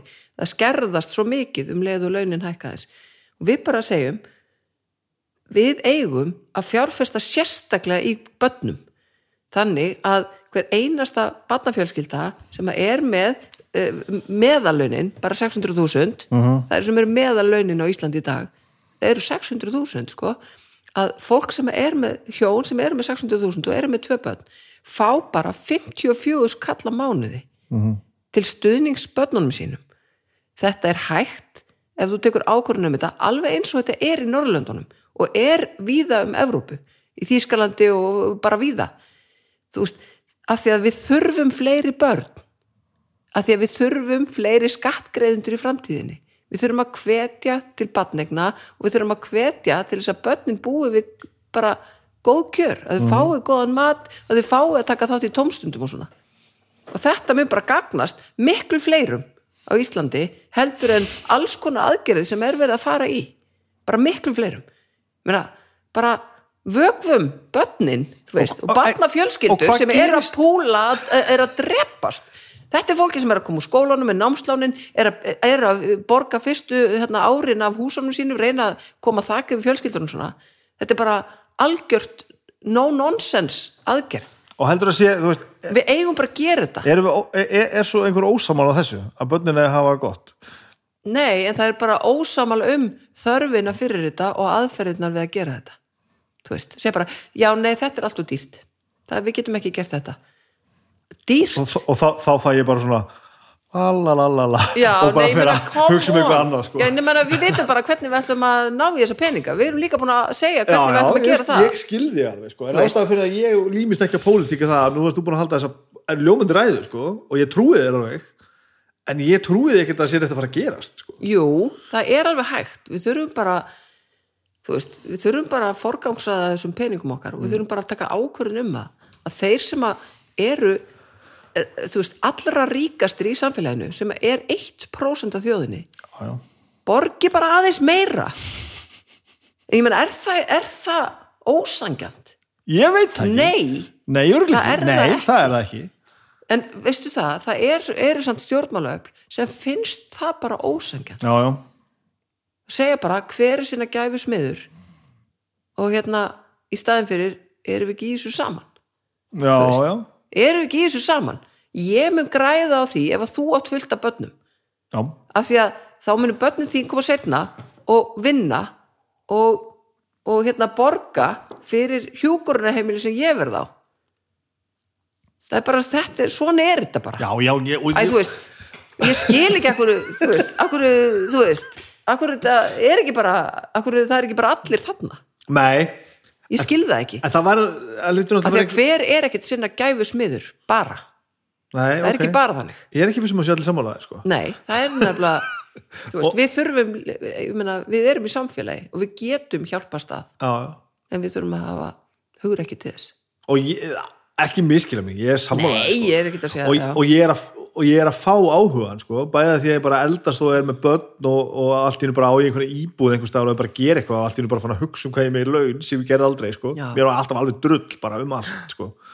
Og svo er ég bara allt í hennu að fara að gera það sem er, er, að gera núna bara tala við fólki sem er að kafa í þessu og kemst alltaf að ég bara sem að maður alltaf kannski vissi en skildi ekki alveg sko, að þetta er bara fólk sem er bara að gera hluti sko, að því að þegar maður er bara svona einhvern veginn bara að Já, spila, spila Playstation og skiptur óvart yfir að rúf þá sem maður bara svona eitthvað ógeðslega vel klætt fólk sem er að, að verja málsitt og bara, og rífast í pontu. Bara með bjölluna, stengri mjóða bjöllunni fyrir aftan. Það er rosalegt að sjá þetta sko. akkur er alltaf aldrei hér stöður að verja sem þetta segja? Akkur getur við aldrei bara hérna komið og sagt bara hérna, ég, ætla, að- ég er hérna með pínu hugmynd? Og allir svona, já, ok þetta er pínu áhugavert um, mér finnst hérna, þetta er pínu hérna ég myndi að spæli þessu hérna sko. mm. af því ég, ég er að vinna á vinnustaf sem við gerum þetta svona sko. Þú ert að vinna á vinnustaf þar sem allir segja bara, að ég er eiginlega nokkuð vissum þetta sé ekki rétt hjá þér En sko, já, það, það er reyndar alveg rétt Það er rosalega sko, fráhrindandi, það, það sko. bæði rétt og ekki rétt Þú veist, við erum með hérna hundrað mál í vinslu inn í, inn í fastanemdini sem maður er að vinna í Þú veist, við erum í einum, tveimur fastanemdum hver einasta þingmaður Mhm. -hmm. og það er, þú veist, velferðnemd og, og allsherjar mentamálnemd og, og hérna utrækismálnemd og svona. Og erum kannski með hundrað mál á borðinu á hverju ári. Og 80 af þeim eru, eru hérna í, í, sátt og samlindi já, ok, 20 af þeim valda einhverju deilum. Að og svo um áðan svo reynir maður að sko hérna að hafa sín áhrif og breyta til batnaður og allt þetta. Bara og, og, og þegar að aðrir er ekki sammála um að breyta málnu uh, eins og það kom frá, frá þingmanni eða ráþera að þá, þá fer maður og, og leggur inn svona sérstaka svona breytingatillögu. Ég myndi fara þessa leið og, og, að, og þá fer maður út í þingsal og, og fer að segja af hverju maður myndi fara þessa leið en ekki hinna mm. veist, og það er auðvitað það sem að gerist inn í þingsal. Það er það sem við sjáum Já, já, já. úti þegar við erum að takast á um hlutina. Að því að frétta fólk hefur mjög lítinn áhuga á að tala um þegar við erum sammála um eitthvað. Það er, er þetta frétt Já, við erum svolítið að tala um þess að við erum að tala um áðan að þegar allir eru glæður og ánæður með eitthvað þá segir enginn Já, eitt sko. já. þetta er nákvæmlega það sama sko. Já. maður heyri bara af koppinu sko. já, ég veit það en þegar þú ert í, þú veist, í þessu þú ert, ert að beita þær, þú hefur skoðanir og eitthvað svona upplifir þú mörg móment þar sem að bara svona, já, þetta bara gekk vel, þetta tókst bara já, veistu að ég hef átt nokkur svona moment alveg bara, bara já, oft og sérstaklega þú veist, þetta var, var, voru þessi COVID hérna þessar COVID aðgerðir þær voru þetta alveg rosalegar af því að hérna það þurfti að vinna þær rosalega hratt. Mm -hmm. og, og við reyndum mjög mikið að vera saman í því einhvern veginn að, hérna, að gera gagn. Og vorum oftar en ekki sammála. Og svo bara náðum að stundum að, að hérna, sannfæra stjórnar meiri hlutan sko, því ég er út í stjórnar andstöðu um að, að hlusta nú í alvöru á mig í alvöru varandi eitthvað svona sérstaklega lögfræðilegt en líka oft bara aðra hluti svona sem að þú veist, sk- skiptu öllu máli. Við erum bara að tala um bara ég get nefnt sem dæmi bara eins og hérna ö, stuðningur við íþróttafélög. Þú veist, það, var, það var búið að fara í stuðning við listafólk og svo þurfti að búa til einhvers konar stuðning fyrir íþróttafélög af því að þau eru að loka öllu fengu enga innkomu af hérna, af miðasölu eða neinu gátt ekki, þú veist uh, haldi viðburði í húsunum sínum og alls konar svona. Og það þurfti að, að, að hérna, búa til einhvers konar uh, þú veist, uh, hérna stuðning við þau bara hlutastarfa leiðina eða atvinnleysis eða eitthvað svona fyrir starfsfólkið. Og þá benti ég á að það er svo margt íþróttafólk sem er til dæmis að þjálfa yngri flokka leikmenn sem eru bara verktakar. Og, og það var óslega lítill skilningur á þessu inn í þinginu. Það eins og verktaka greiðslur væri bara til þess að svíkjöndan skatti. Og ég svoleiðis barðist og barðist og barðist þarna og það var eitthvað tregða að segja við getum ekki bara haft þetta þá sem eru launþegar.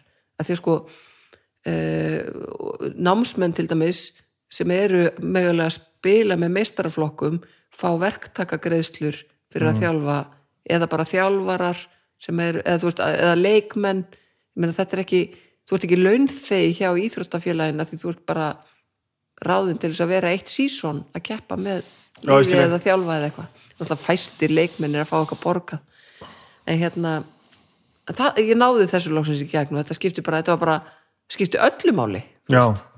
Opnaði aðeins augum í fyrir einu. Já. Þú segir það var eitthvað svona tregða í þessu. Já. Þú er búin að berjast og berjast og berjast. Um hvað erum við að tala? Er, hvað, er þetta tregða, er þetta að tala við, þú veist, 500 manns, er þetta að tala við 50 manns, er þetta 5 manns, þú veist, Nei, hva, ég, já, sko, træðan er, maður byrjar á því að vera að tala inn í nefndinni sinni. og það er, hvað erum við að tala um marga mannskur is? Það er uh, tíu. Og þetta er á endanum fólki sem ræður í hvernig það fer eða eitthvað. Já, rosa mikið. Já. Sko, málin sem koma inn í nefndina eru eiginlega alltaf uh, frá ráðherrum, uh, svona þingmál, frumverp og svona, -hmm. en líka frá, frá þingmönnum uh, og, og en þingmannamál uh, eru, eru sjaldnast samþygt alveg til loka, þau bara streyma inn og við vinnum þau og svo svona eitt og eitt sem hann er alveg að klárast og verða að lögum. En hérna en þetta eru sko fyrst tíu inn í nefndinni og svo stundum þarf maður að reyna að húka stjórnarliða í öðrum nefndum og þar auðvitað ég meina þar töluðum við mikið saman ég og Willum Þór framsóknarmaður sem er, uh, hefur verið formaður fjárlaganemndar og Óli Björn Kárásson sem er sjálfstæðismadur og formaður efnaðs og því þetta voru nefndirna sem voru svona þessar þrjár og svo mín nefnd. Ég var formaður velferðarnemndar sem báru þessi COVID-mál rosa mikið og þegar mér fannst engin skilningu vera á því sem ég var að tala um inn í velferðarnemnd þá fór ég oft bara að talaði við þá sko og reynda að fá þá til þess að Og er það ekki, þú veist, framhjóðaldi því? Nei, nei. Má maður bara fara og... Já, ég, absolutt og ég bara, þú veist, fekk þá til þess að koma og, og þeir sömu leiðis töluðu við mig og segir reyndu nú að koma þessu í gegn og ég segi, hei, ég er í stjórnanastuðu hérna þú veist, já, ég veit, já, reyndu þá að vinna í þínum manni þú veist, að þetta var alveg svona stundum að það var bara eitthvað svona svo verður eitthvað svona stemning sko inn í nefndum líka eitthvað svona ótrúlega toxic stemning eitthvað svona, við ætlum ekki að gera það sem hún er að leggja til og svona Já. Svoleiðis. verður svona svona klíkukúltúr Þetta er bara eins og í grunnskóla. ég veit það, stundum Það er og bæði... stundum alveg bara, er maður bara hérna krakkar, ekki láta svona og ég hef alveg farið inn á þetta sko, bara nei, í alveg fylstu innlægni ég er, ég er að segja ykkur að, sko, það er ekkert flokkspolítist hérna treystiði mér, ég veit hvað ég er að tala um ég er löglærð, við getum ekki farið þessa leið please, það, ég hef alveg stundu verið þarna sko það er bæði gott og slæmt að heyra þetta sko. maður er rosa gladur að heyra þetta er svona, mannlega levelið er kannski aðeins meira en maður held sko. Ma, maður, finnst svolítið þess að það sé rosalega skjalatöskur og möppur og enginn að segja neitt sko. alls ekki gott að heyra það er ekki þannig en það er líka frekar hel- hella að heyra að þetta er bara svona eins og bara erfiður fundur í félagsmyndstöðinni sko. og það er bara Stundum. eigið ekki að vera yfir þetta hafina sko. já, já, já, það er, það er alveg stundum þannig sko. Og maður hugsa bara í alvöru talað veist, hva, hvaðan kemur þetta? Bara hvaða rugl er þetta? Og stundum hef ég alveg bara mist mig sko hvað kallar að missa þig? Æ, bara, þú veist, nei, bara hækka röddina og veri bara hérna, barið í borðið, sko Já. já, já, alveg þannig þá komum við á einu einmitt sko. mm. tilfinningarnar sko. tekur fólk með, tilfinningar með sér þarna ég er alltaf með tilfinningar ég er bara þannig já, Já Örglega full mikið fyrir suma en fyrir sjálfa þig er það ekki derfitt? nei, að, þú veist, ég er bara þannig. Já, ég hérna ég er bara svolítið svona ástriðu manneskja í, í, í þeim störfun sem ég er í. Mm ég var líka þannig í lágmennskunni sko. já, og þess vegna finnst mér þetta skemmtilegt. Þú veist, ég líti ekki á þetta ég líti ekki á þingstarfið sem bara eitthvað svona einhverja venjulega vinnu. Þetta er bara þetta er bara eh, þú veist þú, þú, þú, maður er bara einhvern veginn all in. Og ég horfi svolítið á þetta eins og þetta sé bara svona ákveðin borgarþjónusta.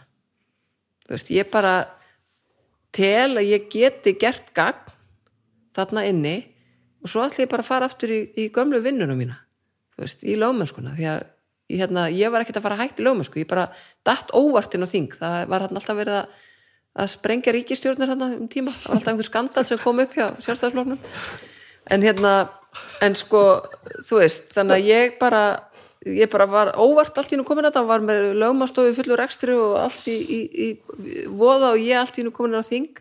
En ég bara einhvern veginn horfa þetta þannig. Ég hérna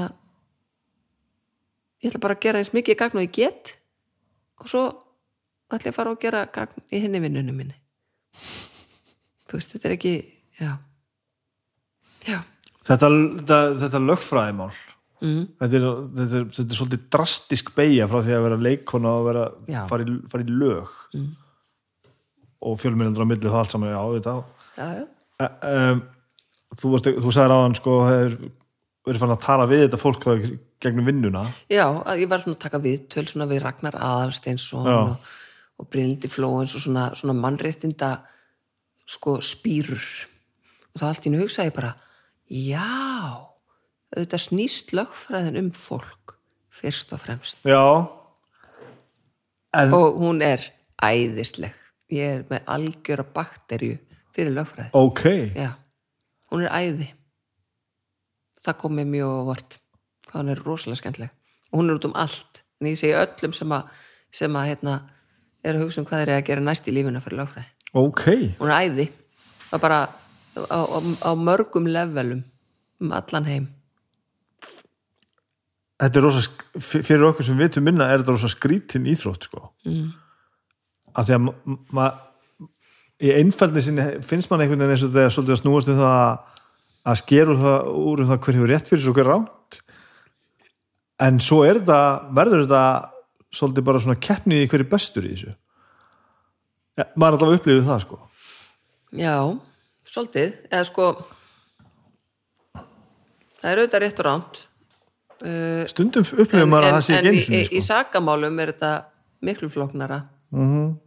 að, því að, að því að það er búið að vera auðvitað svo mikið hérna, mikil umræð um kynfyrirsmál núna, kynfyrirsbrot uh, að þar til dæmis erum við ekki bara að tala um uh, uh, er hann sekur eða, eða er hún saklaus þú veist, er, er hún sek eða saklaus? Ég er alltaf að reyna að gera þetta ekki bara kalla sjú sekir, þú veist. Er viðkomandi sekur eða saklaus hel, eh, sko, heldur heldur sko í rauninni e, text hérna ákæruvaldinu, lögunni eða, eða saksóknara að sanna brotið? Og eða tekst anstæðingnum, svo ég noti það orð Já. sem er svolítið skytið, að, að sko afsanna eða komi í vekk fyrir að sé hægt að sanna já, sko það er, það er í rauninni ekki afsanna. Nei, það er bara, Já, já, bara- það er bara í rauninni að, að kýla niður sönnunina hinum einn bara finna eitthvað að sem hver einasti evi það er bara skrifað í lögin. Ef að það er vafi þá á alltaf að túlka vafan sakborningi í hag. Veist þessum sem að er á sakamannabekknum. Ef það er minnsti vafi það á algjörlega passa upp á það að saklaus einstaklingur verði ekki dæmdur. Já, þannig að þess vegna þess vegna er sko þú veist þess vegna er líka þessi hérna þessi umræða saklaus uns sagt er sönnuð. -hmm. hún er he, he, sko, hún er alveg rétt þú veist, þú ert saklaus sagt er sönnuð það átt að vera álitin saklaus eða að minnstakosti gagvart kerfinu en þú ert ekkert saklaus þá getur búið þér að, se- að sanna sektina þína. Að því að það er verið að taka sko, þú veist ég meina þú keirir yfir á rauðu ljósi þó að hérna þú veist, þó að við höfum ekki, ekki náð því á mynd þá gerður það samt. Já, já en hvað? við vitum að þú gerðir það og þú veist að þú gerðir það. En ég tók bara ekkert mynd af því þannig ég er ekki með sönnun og gögnin en, en, en þú, það, þú, þú kerðir ekkert minna yfir á rauðu ljósi að því ég er ekki með mynd af því. Nei, nei, skilur þú þannig að, það er ekki lögfræði. Ha, það er ekki lögfræði. Jú, það, þú veist ég, það, þetta er, þetta er hérna mannlega útgáfan af lögfræði. Ég er Já, að reyna já. að, svona, svona, hérna, að taka þetta á mannamálið sko. Veist, þetta, það er nákvæmlega þetta sem lögfræðin er. Og það þýðir ekki að þú sitt saklaus af því að hafa, hafa hérna, kert yfir að rauðu ljósi. Þú gerðir þetta, já, þú kerðir yfir að rauðu ljósi og þú veist það og, og, og allir sem horfðu á það vita það. En ég get ekkit farið með því fyrir dóm fyrir að hafa kert yfir að rauðu ljósi að því að ég er hvorki með vitni sem að, sem að geta staðfesta segjum að enginn hafi séð það nema bara ég eða eitthvað. Og ég er ekki með neina mynd af því og þá þarf maður að, þú veist, það er þetta sem að verður alltaf svo flókið í þessum sakamálum. Hvernig og hvaða gögn erum við með á borðinu til þess að sanna það að þú hafir framið það sem að þú ert ásakaður um? Bara í, hvaða, hvað sem er veist. ég meina við erum með öryggismyndavilir í búðum til þess að hérna, taka mynd af því ef einhver er að stinga inn á sig samlóku og það er talið vera ófullnæ, eh, hérna, fullnægjandi sönnun á því að eitthvað hefur gerst uh, en ég veist, maður hefur auðvitað séð sum sakamál falla á, á, á gögnum sko og maður skilur það ekki af hverju var ekki sakfælt maður er bara, og ég lendi oft í því það sem maður var bara, all, bara í alvöru tal, hvað ruggl er þetta hvað vantar þá? bara, uh, það er ekki hafið yfir vafa Mm. að þú veist að, að þetta hafi ekki þú veist uh, verið svona þegar að viðkomandi kom á staðinn til dæmis. Já, já, bara að rúðan hafi ekki verið brotin þegar að viðkomandi kom á staðinn.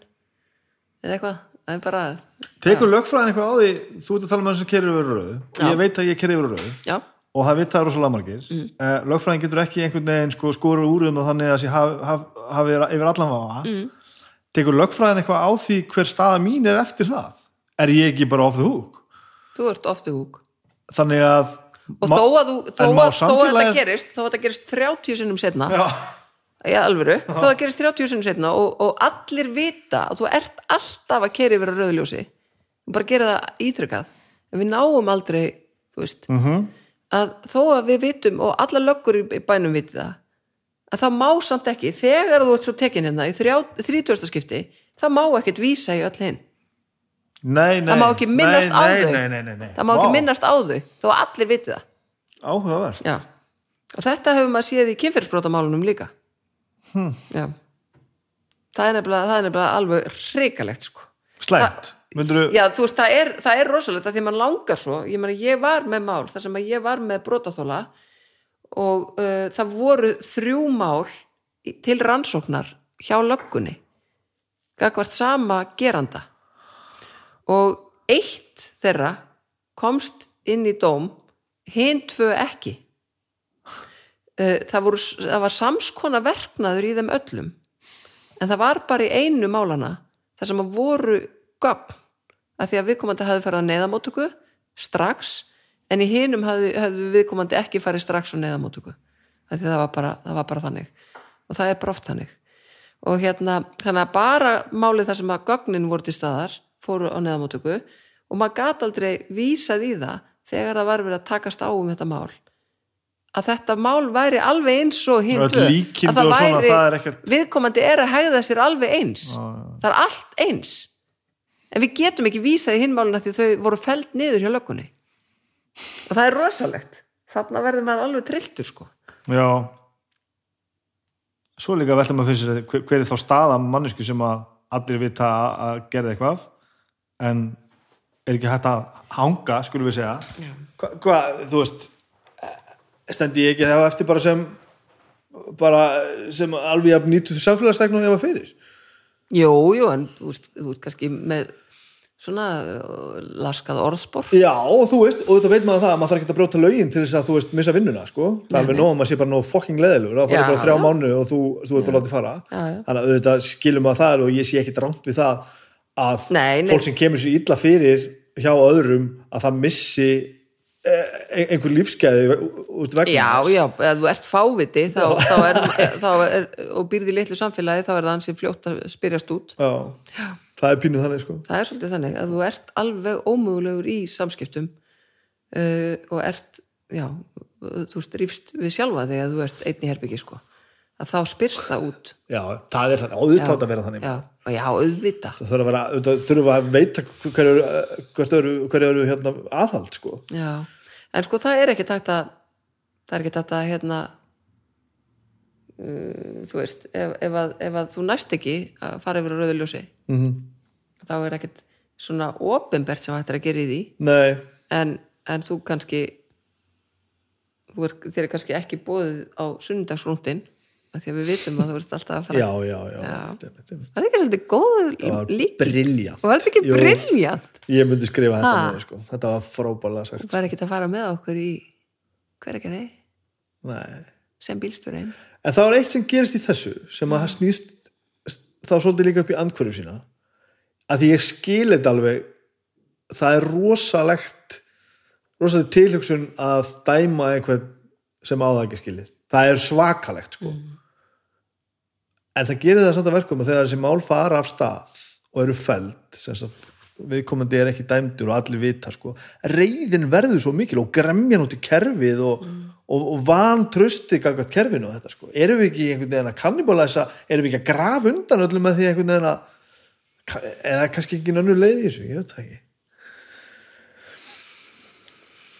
Jú, þú veist, það er auðvitað hrikalegt hérna að finna reyðina í samfélaginu og, og, og eða, þú veist, um leiðum að fagnar þessari baráttu þú veist, þessari MeToo baráttu en þá er bara þú veist, það er svo margir sem að hafa skadast illa af því að réttlætiskendin bara er þannig að þú, þú vilt fá réttlætinu framgeng Já, og þú veist alveg hvað kom fyrir þig. Ég meina þú veist það alveg. Já, þú, þú veist, þú ferð ekkert að, að ljúa því. Að ég meina það er, þú veist langar þig að vera hérna þessi sem að vera þekktur fyrir að vera þessi sem var brotið á? Nei, Nei. það vil þetta enginn sko. þig langar það ekki neitt. Nei, þú vilt ekki vera andlit þólanda nei, það er bara ekki þannig. Þetta er ekki aðtikli sem þið langar í. Nei. Þannig, algjörlega, að- þannig að sko af hverju ættiru að fara í þennan leiðangur ef það var ekki brotið á þér? Þú veist, það er bara ekki þannig. Sko. nei, alveg klálega já en svo eru þetta samskipti fólks eru flókin.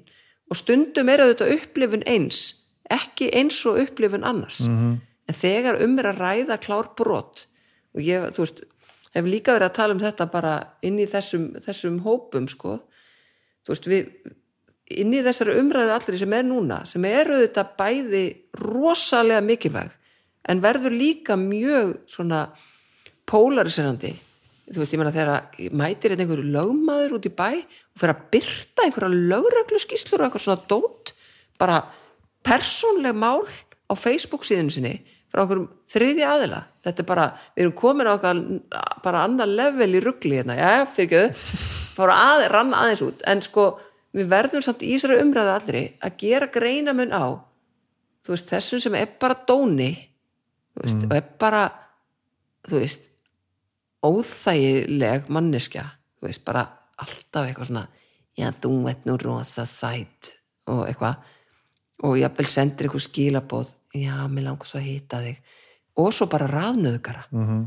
mér finnst við svona undanfjörðum mánuðum við höfum aðeins rugglast þarna. Við erum farin að taka sko bara og nafngreina bara alla á sama stað þú veist Já. það er pínu, það er pínu við flóki sko. þurfti, þurfti ekki að fá að gerast sko. Jú, gengur, nei, gengur þetta svo almáttur, jú. Við, og við verðum að vera þar og við verðum að leifa þess að vera því að þetta er að opna augu sko, svo ótrúlega margra annara en þeirra sem hafa bara verið í aktivismannum lengi.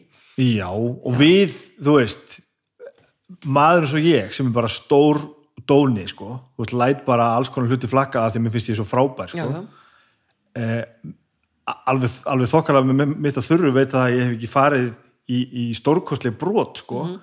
en þetta gerir það samt að verkum að ég bara, ég þetta fara yfir allt allt, allt hugsanarferli, allt sem ég gert, allt sem ég sagt. Já. og hugsa bara hvern, hvernig gæti ég verið vissum þetta að vera í lægi, Mhm. þú veist, og ég var ekkert var ekkert alveg vissum þetta að vera í lægi Nei, en það er bara og þetta var þetta stundum er bara ekkert í fyrir sko. þetta var bara ekkert Já, í lægi já. og, og þú veist, auðvitað var þetta harkalegu veggur að klessa og hann þurfti bara að vera helvíti harkalegu sko. Já. Og en, þetta það, er bara- en það eru bara, þú veist, við, ég held að við höfum öll farið í gegnum þetta núna, Mhm. ég held það en vonandi, og þetta þarf þetta að fara til gang, tilbaka ég er alveg sammála og, því að og stundum þarf maður að byggðast afsökunar og, betur, alveg og, og stundum, þú veist, ég menn það er bara allur gangur á því þú veist, eh, ég menna eh, sum, hegðun hefur verið algjörlega fáránleg. Mhm. og þá þarf maður bara að þú veist, ringja eða, eða senda bref eða eitthvað. Já, en maður verður að passa sig líka hvernig maður gerir það, maður ætlar ekki að fara að, að, að rífa einhvern eh, rífa af eitthvað sko hrúður sem er komið yfir sár. Maður ætlar ekki að fara hérna að krefjast þess að sá sem að maður hefur verið fáviti við uh, mæti manni bara og sé bara til í það. Nei. Maður þarf að, það, það er líka það er líka línutan sem maður þarf að passa kannski langar bara manneskunni ekkert til að tala við Nei, skilurðu. og það, þá er það nákvæmlega þannig, sko. það. Já, alveg absolutt sko. já, en það þurfti að rétta átt við þannig að fjá næstu því öllum held ég sko. já, já, bæði þeir sem að huga sér öðruvísin en átt að gera já. og líka þeir sem bara horfðu fram hjá því eða fannst þetta einhvern veginn bara vera svona þetta er bara svona ég, meni, ég fekk post fyrir einhverju síðan sko, þar sem ég hafði verið dólgur við einhverja stelpu í, í, þegar ég var í, í grunnskóla, sko, hagaskóla. Já, og hérna, ég myndi ekkert eftir því. Nei, einmitt. Þú veist, ég hafði bara verið ógislega leðileg við hana. Mm og ég bara skammast mín djúpt fyrir það. Já, ég geri það bara af öll í hærta já. Af því það er bara ömurlegt. Það er, það er umrætt ég var, al, ég var alveg bara, þú veist, fáviti í það skipti. Og ég baði hann afsökunar. Já. En maður þarf líka að gera það. Og maður þarf líka að finna hjá sér af hverju er, maður ég, gera er það sko. ég er ekkit betri manneskja fyrir það, en maður þarf bara að gera það og skammast sín og hérna halda áfram skilur við, þú veist ég held að ég hafi enginn farið í gegnum þetta líf án þess að uh, særa nokkuð tímann aðra mannsku nei, eða koma illa fram við einhverja mannsku mm. ekki þegar maður er hérna, orðin amma eins og ég, mm Mhm. eða þú veist ég held ekki ég held að séu rosa fáir sem eru það skinn heilaðir að þeir, hafi bara komið fallega fram við allt allar Já, já. lifandi verur. Já, já. Þú veist, ég er ekkert viss um að séu marga þannig mannskjur nei, en það er bara mis gróftu þetta við góður, sumt Mhm. eru brot og þau eru hræðileg en þú veist en það er líka já. Ég held að þetta sé svolítið hreinsun hjá okkur ég held að við séum að fara í sem við erum að gera núna bara, já, ég held það svo absolutt og þetta er, sásokafullt sko, og þetta er öfgafullt en ég held að þetta verði bara að vera það mm. fyrst að hún er komin á það stað að þetta þurfti að fara svona já. þá þarf að gera þetta svona sko. þetta er svo mætið til talagnis við verðum bara að hreinsa alla skemmtina algjörlega ef við setjum bara hérna fyllingu og anná þá gefum bara rótabólga Já. þú ert í myndlíkingunum alveg bara. svolítið, en ég, svolítið ég það sem að ég tek, tek það sem að ég tek úr þessu fyrir mig er sko ægja til í kaffi líka. Já, fáðu kaffi, þetta er alveg ljómandi gott. Er bara hvað er gott fyrir fólki sem að er ekki glæpamenn sko? Að rétta stefnun af sko. Að vera farin að einhvern veginn svona drifta af stefninu og bara svo kemur þetta bara það var einhver sem sagði sko þú læsir ekki hurðinni heima hjá þér uh, til þess að halda glæpamönnunum úti. Þú læsir hurðinni heima hjá þér til þess að venjulegt fólk verði ekki að glæpamönnum sko. Já, það sá sem ætlar að brotast inn honum er skýt saman hvort það er opið eða læst sko. Já, en þú þarft að vera með ásetning og ef þú ert með hann, ef þú ekki með ásetningin en þú óvart svona mm. kíkir inn sko og svo fyrir þetta bara að vera allt í leið og þú bara svona gæðist inn sko. Þetta er svolítið gott sko. Já. það þurfti svolítið að bara að Já. segja hlutina bara nákvæmlega hátt að vera að segja og núna bara þetta hérna sem er að gerast er hafið yfir þann vafa sé í lægi þetta er ekkert í lægi, þetta er ekkert í lægi sko. Ég teki, að því að ég vann svo mikið í þessum kynferðsbrotum, sko, því ég var lögma, sko, þá fer ég alltaf að, að þangað aftur. Og ég notaði svo ofta mynd, myndlíkinguna þar, að því að það var alltaf þessi, sko, það hérna, nei þýðir nei, var, var hérna svona stórt átak sem var rosa flott, en sko, ég hef alltaf komið með myndlíkinguna, ok, þú lappar upp á húsi og tekur í húnin og það er opið, það er ólæst, máttu það bara lappa inn, akkurat, er það bara þannig? ef þú glæpa maður þá gerir það Nei, ég meina, þú veist, Já, þú, þú ert, meinar þú það. ert orðin glæpamaður um leiðu þú lappar inn, þú veist, þú mátt Já, já, ekki bara það, lappa já, inn. skil ég, skil ég, já, já, af því að húsaðendur þurfa að bjóða þér, þau þurfa að samþykja að þú komir inn. Mhm. -hmm. Það er ekki bara að húsaðendur komi og segi, nei, þú mátt ekki koma inn. Þú bara mátt ekki fara er þá svona að hugsa svona, hm, Nei, ég veit það en það er það sem það að á við- ekki að vera það á ekki að vera, Nei. það er það sem ég er en að það er meina. það sama með þetta sem ég var að segja sko. með hérna kynfyrirsbrotin Já. áður var það, við fórum í rosa herferð, nei þýðir nei. Akkurat, en við eigum að vera í herferðinni. Já þýðir já. Já. A- þúsund prósent já. og við breyttum lögunum þannig. Og talandi um hérna sigrana inn á þingi Já. á kjörtjambilinu þá breyttum við hegningalögunum þannig að það er, þarf að vera upplýst samþykki fyrir því að þú megir þetta ganga er inn. nákvæmlega þetta sko. Og það er eins og með húsið bara. Já, þú þetta er þarf bara upplýst samþykki um að húsráðendur hafi bóðið þér inn. Mhm. -hmm. það er alveg það sama með auðvitað er þetta fló, flóknara þú veist, hérna mörkin. Þetta er ekkert mikið Nei, flóknara. þetta er ekkert Þetta mikið ekkert flóknara. þetta er bara nákvæmlega það, bara, veist það sem við, við sem vorum farin að nota það sem möguleikur til að ástæða bara, það er ekki læst þú veist. Hún sagði ekki nei, er nei hvað rugl er þetta? Þetta er það sem við erum að laga. Það er nei, nema að komi já þetta, er það sem við erum að laga. Nema að komi bara velkomin Já. inn í mitt konunglega hús. Og, og þetta við þurftum ansi margir Já. mörg að taka til í okkur og bara, herru, herru, herru. Og alveg mörg. Ég var líka að vinna á bar veist, og þá samaður konur ganga ansi langt og ég veit að þær gera það líka. Já, já, þurfum að passa það, en þær eru bara miklu færri já, það er mér finnst það eiginlega að vera önnur umræða. Ég, hérna, ég þúr ekki svona að tæpa á því sko. e, það, maður verður alltaf einhvern veginn svo umræða fyrir alltaf bara einhvern annan stað þegar maður er maður í hljómsveit sko. og það er rosa, ég heyri rosa mikið talað um þetta, e, e, það var þannig sko, átt að fara að grípa í, í þá umræðu en hérna, og bara nei, nei, nei, nei, nei, nei, við getum talað um það setna og öðru sammingi Já. sko, en við erum ekki að tala um það núna sko. en við þurfum samt að, Við þurfum að gera það, við þurfum samt að kenna strákunum okkar að setja mörg líka absolutt, alveg engin spurning sko. en það á, já, mér fannst stundum að, að fara að nota það sem einhver sko vopn í umræðin það og bara reynt, það, já. það, Já. Við erum ekki að fara þanga sko. ég, það, það má ekki vera þannig sko. en auðvitað auðvitað er alls konar sem, sem gerist en þá með lögfræðina að öðru leiti þú veist að þú tala um sko hjóður þú sagðir áðan sko í sakamálum er svona þú veist, þá er þetta svona hins eginn sko. hvað með þá allt sem er ekki sakamál sem er vantarlega stórpartur það sem er kveikt í þér eða hvað? já, já, ég menna það hérna, þú veist, þar eru við með þetta sko, ástæðan fyrir því að, að það þarf, þurfa að vera tveir lögmenn er að e, það er túlkunur atriði hvernig við um að lesa ákveðin það er ekkit alltaf bara klift og skorið. Það er ástæðan og þetta er mjög klókt sko því að það er svona ákveðin svona margfældis áhrif ef það er eitt þá verður alltaf að vera annar. En það má ekki vera sami lögmaður sem að, sem að hérna, er með báða aðila sem er að deila.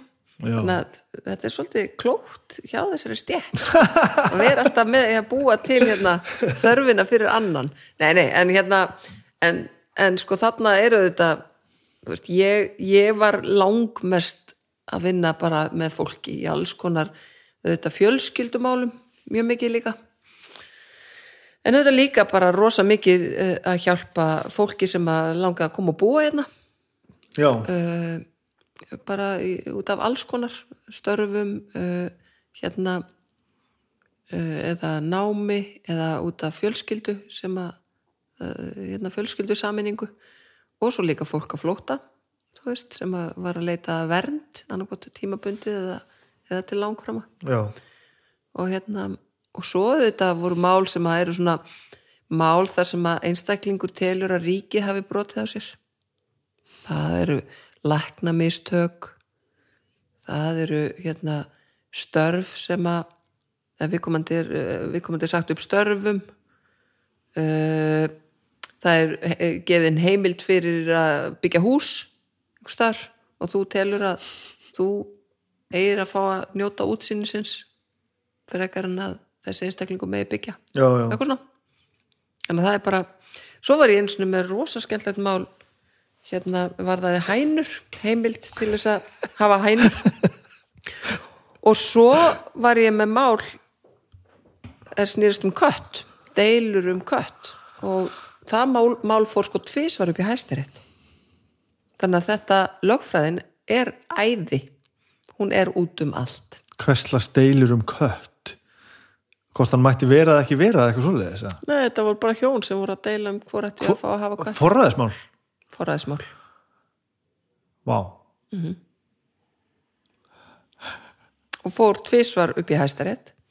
Einu sinni í engamáli milli aðilana og einu sinni í sakamáli. Þegar að lauraglan óskaði eftir húsleitarheimil til þess að mega fara inn og leita að kettinum. Og því var hafnað. Og lauraglan kærði þann úrskurð. Þá sinjun upp í hæstarétt. Nú hljóta einhverjir að hafa brosað með að voru að fylla skýslindar, ég trú ekki öðru sko. Já, ég held það. Að þetta hérna ég held sérstaklega að dómararnir sem sátt upp í hæstærætti hafi verið bara nei, hætti nú alveg.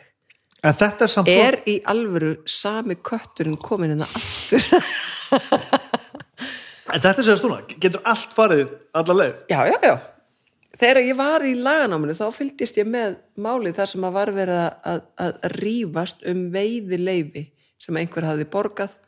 Þegar við farið saman í veiði og svo sinnaðist þeim og hérna og hann vildi að hinn borgaði sinn hluta í veiðileifinu og sko lögmannskostnaðurinn var 700.000 en veiðileifi kostaði 60.000 já, já og svona meira, miklu meira prinsipmál já, já, og, og þessi sifjamál og þessi, þessi deilur um skiptingu eigna melli hjóna þau, þú veist, snúast ekki um teskeðarna, sko.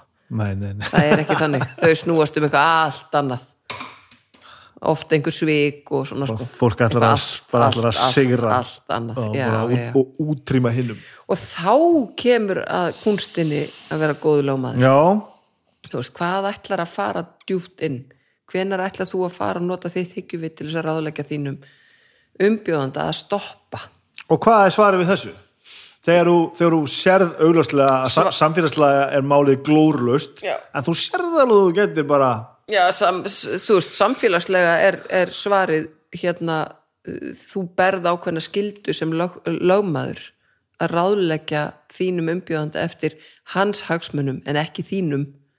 Já, ok, að vera með verkefni, og, og líka bara Það er bara skildaðinn sem, sem lögmaður að hérna horfa á hagsmuni einstaklingsins. og ekki endilega sagt, verallega hagsmunni, við erum ekki endilega bara að tala um bara Ég bara bæði, oft, oft fléttast þetta saman sko, þú veist, ég meina ég sagði svo oft í, í lögmennskunni ég meina, hv- hvort viltu hérna lifa eða vinna? Já, einmitt. Þú veist, þú færð kannski þessar helvítist teskeðar. Mm. en þið munuð aldrei geta að tala saman aftur. Og þið eigið eftir að vera með ammæli einu svona ári þið eftir að ferma, þið eftir að útskrifa badnið og þið eigið eftir að, að hérna, vera saman í brúðköpi bassin setna þar sem að þið eigið að sitja saman við háborð er þetta í alvöru þessi virði? skiptir þetta einhverju máli? Þetta anskotas pottasett Er þetta í, í verkaring lögfræðisins að segja þetta? Já, já, já. Já, ok. að því að þú, ég meina, þú ert með einstakling sem er bara, sem, að, sem er bara, þú veist, það er bara hatur um deila Já, og sjaldan veldur einnir tveir deila, þú veist. Og stundu þar er bara gott að geta ráðlað sínum umbjóðanda bara let go. Þetta skiptir ekki máli. Það skiptir ekki máli þó að badni fari aðra hvora viku ekki samstæðum sokkum í skólan. Það breytir engu. Þú veist, alls konar svona. Og þetta er bara þarna komum við að kjarnamálsins. Þetta er snýst allt um fólk og það er svo áhugavert.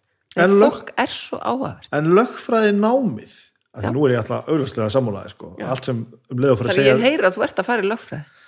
Meina, veist, ég er alltaf bara alveg saman, bara hverju viðtalum sem líður hérna hafa verið alltaf talað við fólk sem hefur lært eitthvað áhugavert og er alltaf með þennan og þennan vingil og ég er alltaf bara, ég, ég er ekki stúdent einu sinni sko, ég, er bara, Nei, ég, ekki heldur ég hef ekki að tala um ég verða að vera stúdent en ég hef aldrei klárað, þú veist og mér líður ekki eins og ég þurfa að klára eitthvað til þess að ná okkur í lífinu, ég er alveg búin að gera margt annað sko, en mér langar að hafa farið í skóla sko, mér langar að fara og klára eitthvað í skóla. Og núna bara, bara, bara kemur nýtt og nú að lögfræðin að bætast við sko. En sko ég er ekki, ég er ekki með stúdent. Mæ, ok. Ég var í, í, í MH þegar ég komst inn Já, þú kláraðir ekki. Og ég kláraði ekki stúdentin og mér er svolítið, það er alltaf svolítið gaman núna að segja frá því veist, ég er með þrjár háskólagráður en ég er ekki stúdent. En þú veist, við erum auðvitað með þannig kerfi ég meina eins og eh, ég veit að háskóla Reykjavík, ég man ekki hvort að byrjustu með það líka að, að fyrir hérna, þú veist, fullorðu fólk að fara og, og sækja nokkrar einingar sem að þetta heitir eitthvað háskóla grunnur eða eitthvað Mhm. -hmm. þá er, færðu ígildi stúdinsprófs og getur við farið með það áfram að því að þú veist, það er bara svo er bara svo áhugavert að læra alls konar og þetta er bara allt öðruvísi heldur en sem mentaskóli sem að við vorum í Akkurat, veist, sko. þar sem þú átt þarft að læra einn áfanga í jarðfræði, tvo í hérna, veist, efnafræði allt þetta þú veist, við erum ekkert að fara þangað Nei. þú ert ekkert að fara í það en það er ég, þú veist, ég hlustaði á svo frábært viðtal við Jón Arnór Stefánsson. Hann var í einhverju svona podcasti. Mhm. Ok. hann var að klára stúdenti núna. Ó, Æ, þú veist, ég menna talandi um rockstjörnur, sko. Já, já. veist, hann er búin að vera að spila körfubolt út um allan heim, hann var með NBA skilur og hérna, og á geggjaða feril á Íslandi og ákveður svo bara, já, nú ætlum ég að fara að klára stúdenti. Ó, þetta er svo geðveikt. Já, þetta er svo geðveikt, við lifum á svo spennandi tím. Við höfum ekki að láta neitt stoppa okkur En lög, veist, lögfræði námið svo, er það ekki frekar þurft, þú veist? Nei, ég hérna valdi þarna háskólan Reykjavík og var rosa heppin bara líka með kennara. Þú veist, það, þeir voru opbáðslega áhuga samir um það sem voru að gera. En það eru þetta, jú, jú, sumt ég þú veist það var ekkert allt ógeðslega skemmtilegt. Það eru þetta ekki þannig. Maður er í fimm áfengum á hverju einstu önn og svona þetta eru fimm ár þegar maður alltaf að taka þetta allt saman. En það voru furðulegustu áfangar sem að ég endaði því að hafa gaman eins og skattaréttur. Það var einn, eitt, eitt árið sem að ég, einn veturinn eða eina önnina sem ég var sko í skattarétti og, og kúrs sem að hétt verbrefa markaðsréttur og ég bara uh. og svo kom eitthvað, ég man ekki eitthvað, eitthvað í viðbót og ég bara, veistu ef ég lifi þessa önn af þá get ég allt Þegar svo var þetta ógislega skemmtilegt að inn í verbrefa markarsrétti þar var allt þetta svona peningaþvætti og öll þessi svona peninga hérna svona brotin, þú veist bankabrotin. Bíómyndabrótin já, þetta var allt þetta sko. Alls konar svona já, svona gori svona hérna hvítflipabrotin voru þarna. Ok, þú veist, þetta snýrist ekki um að selja verbrif heldur sko rannsóknir á þessu. Og svo var ég í þessum áfanga þegar bankarunni var. Já, þetta var já, já. Mjög svona já, meiri sér skattaréttur þú veist. Þarna auðvitað er hvernig við ætlum að reyka þetta samfélag. Já, já. Og hvernig við ætlum að jafna kjörin. Því að skattar er ekkit annað en sko þú veist, ákverðun um hvernig við ætlum að uh, reka samfélagið og, og hérna og reyna einhvern veginn með skatt, skottunum að, hjálpa þeim sem eru á lágum launum og þá fá þá sem eru ríkari til þess að borga þess inn í það. Akkur er þetta allt komið í steik? Ég er bara að fatta þér að tala við núna bara, þú veist, þú ert að tala með um fullta penning og þú veist, og þú tala um svona, þetta á að virka svona og svo er þetta svona og svo eru hérna fátækbötn og svo er þetta hins einn og, ógeðslega ríkt og fólk þetta er alltaf viðbjóðslega flókið og voðalegt, sko. Mér líður svolítið svona eins og þú veist, þegar tölvaðin er hún alveg fáránleg já, ógeðslega hæg. að þá verður bara strauðana, sko. Mér líður bara svona eins og við þurfum bara Ég augljóslega er það sennilega kannski ekki hægt. Eða, þú veist, ég meina þetta, er, þetta er allt hægt og, og mér finnst líka kannski að því nýbúin að kynnast henni Kristrúnu Frostadóttur sem er hérna í frambóði hjá okkur og hún einhvern veginn er þannig, hún er hagfræðingur hún er svo djúpa þekkingu á þessum málum að hún er búin að samt er ég búin að vera sko að þingi í fjögur ár en hún hefur einhvern veginn náða að segja þessa hluti á svo miklu mannamáli -hmm. að ég einhvern veginn ég skil miklu betur öll þessi tæki sem við höfum til þess að breyta þessu. Ég skil þau einhvern veginn betur og, og hérna og það, veist, og, og maður getur sótt stóra fjármuni á ákveðna staði. Það er alveg hægt. En auðvitað er það þannig að bara venjulegt fólk eins og við uh, við erum sko það eru langstæstu fjárhæðirnar að koma inn í kerfið okkar frá bara sköttum frá venjulegu fólki og okkur. Já. og af virðisaukaskattinum sem að við borgum með öllu sem við kaupum Já, sko. þannig að þú veist, þar eru mestu peningarnir. Ég fótt í Katar og þeir eru ógeðslega ríkir í Katar. Alveg hryllilega ríkt. En þar eru bara Katarar sem að fá stuðning uh, þegar þú ert ákveð gamall og þegar þú ferð og giftir þig þú mátt bara gifta þig Katara. Ef þú giftir þig utan Katara sem þetta giftist konu sem er ekki frá Katar eða að þá færðu ekki stuðning frá ríkinu, en ef þú giftist Katara þá færðu hérna lóð og, og, og, og hús frá ríkinu og einhvern ákveðin pening. Og uh, þarna eru ekki borgaðir skattar í rauninni, þeir eru bara með svo óbáslega ríkir af auðlindum. En þegar þú ætlar að senda barnið þitt með strætó í skólan þá þarf það að borga 7 miljónir fyrir það á ári. Og þú þarf að borga 10 miljónir fyrir að vera með barnið í skóla. Það er engin, þetta er samneyslan þú veist, það er ekki skattar. Þú þarf að borga alveg ógeðslega mikið fyrir allt sem þú gerir, allt kostar bara það sem það kostar. Brjálaðislega mikið, já, Já. ég meina þú veist, e- eins og leikskólaplási á Íslandi, foreldrar er að borga held í einn tólta Já. nei, hérna 12% segi ég. Já, já 12% Já, af raunverulegum kostnaði bara hlýtur að vera, sko. þannig að hérna veist, en þarna er þetta bara þannig. Sem gerir þetta verkum að fólki sem eru ekki katararnir sem að fá heimanmundin, allan oljuauðin þeir eiga bara ekki breyk. Þetta fólk er bara brjálaðislega fátækt og bara uh, þú veist vinnu dýr já. Og geta ekki komið börnunum sínum í skóla og svona, þú veist þannig að þetta er skerið sko Já, þetta er það. En þeir eru ógeðslega flott hús og flotta götur og heyrðu, við ætlum að byggja hús þarna og það bara komið, já, þú veist. En hver er að byggja það?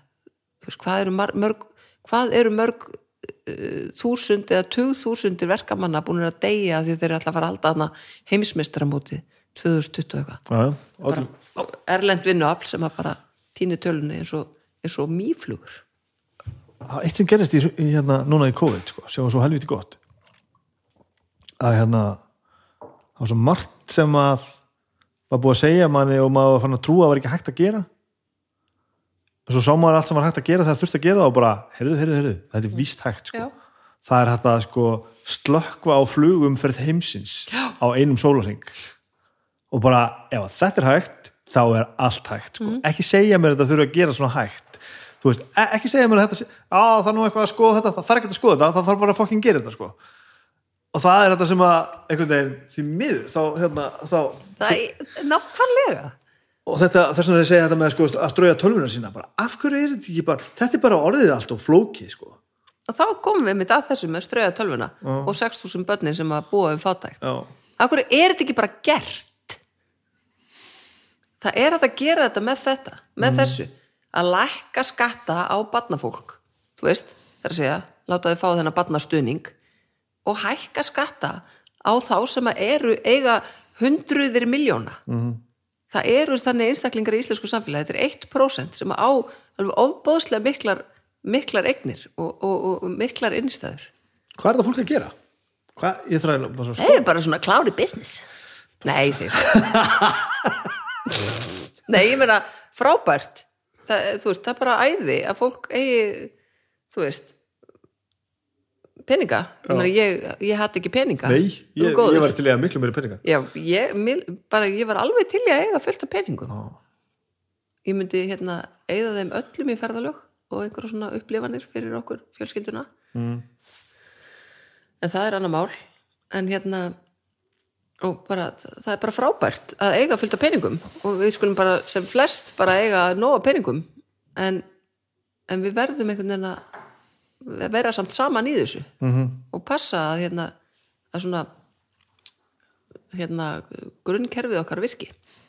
Eins og bara heilbrískerfið og, og að veginni séu lægi og allt þetta sko. Já. skólakerfið og svona. Hvernig hérna dastinni hérna umbóðsmennskuna ég var á tónleikum í hérna í Hollandi, í Groningen.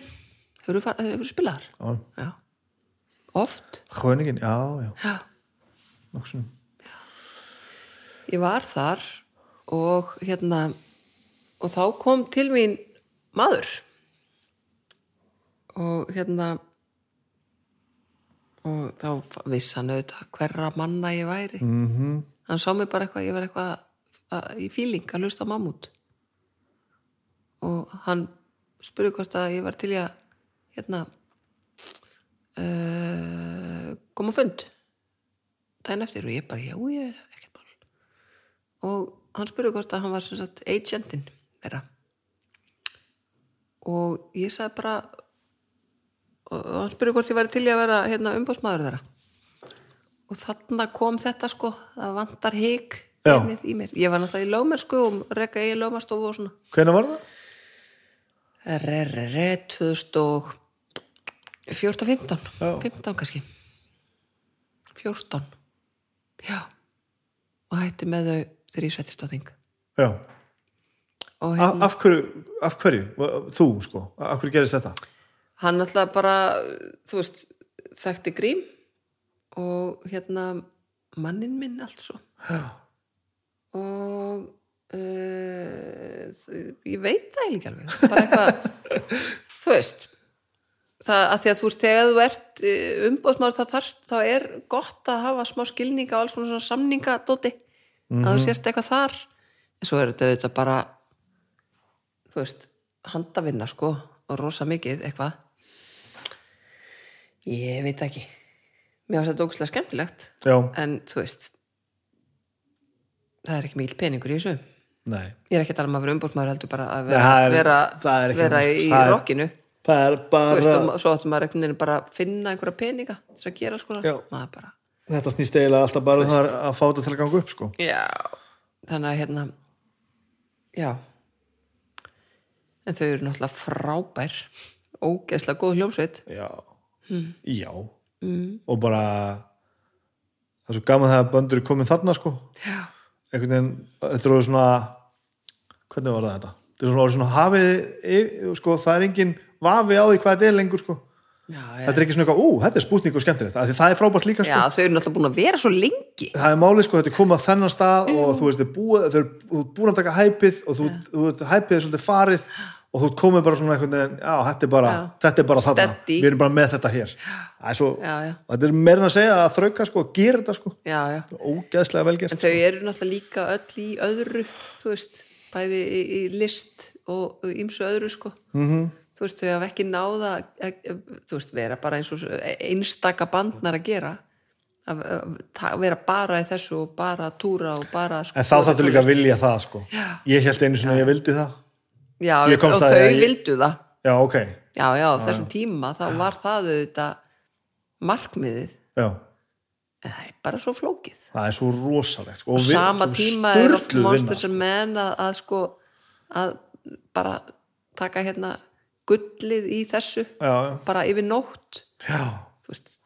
Það, það er var bara, svo skrítin þú veist, skrítið að horfa á þau einhvern veginn það er rosa gott að minna sig á það að, að, að það gerist aldrei sko þetta sem Monsters sem menn gerði, það gerist aldrei það er eitthvað svona algjört Algjörlega. algjört svona, en þau fóru að hita upp með sinni sko. Þannig að ég ver, það var, það var mjög, þetta var mjög sérstakt Mhm. -hmm.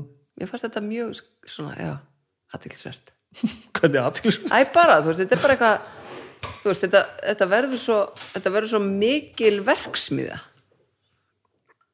í kringum svona band. Ba Þú veist, bara fyrirtækja að láta ganga upp mennunni N- Nei, já, sko, þú veist, maður sá það bara einhvern veginn að, þú veist, ég meina, var svo, þetta var, þetta var stór band, já, já, veist, og, og verksmiðan í kringum þetta stóra band var bara svo rosaleg. Einhvern veginn, mér finnst það bara interessant, því að maður hafði ekki verið í svona návi þetta er mjög áhugavert þegar maður kemst alltaf að því sko, hvað tónlistin er í rauninni lítill partur sko.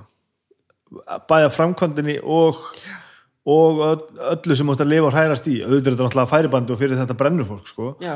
en þú kemst maður alltaf einhvern veginn að því hvað alltaf sjálfsögt að túra og vinna eitthvað hvað tónlistin verður lítill partur á öllu saman sko.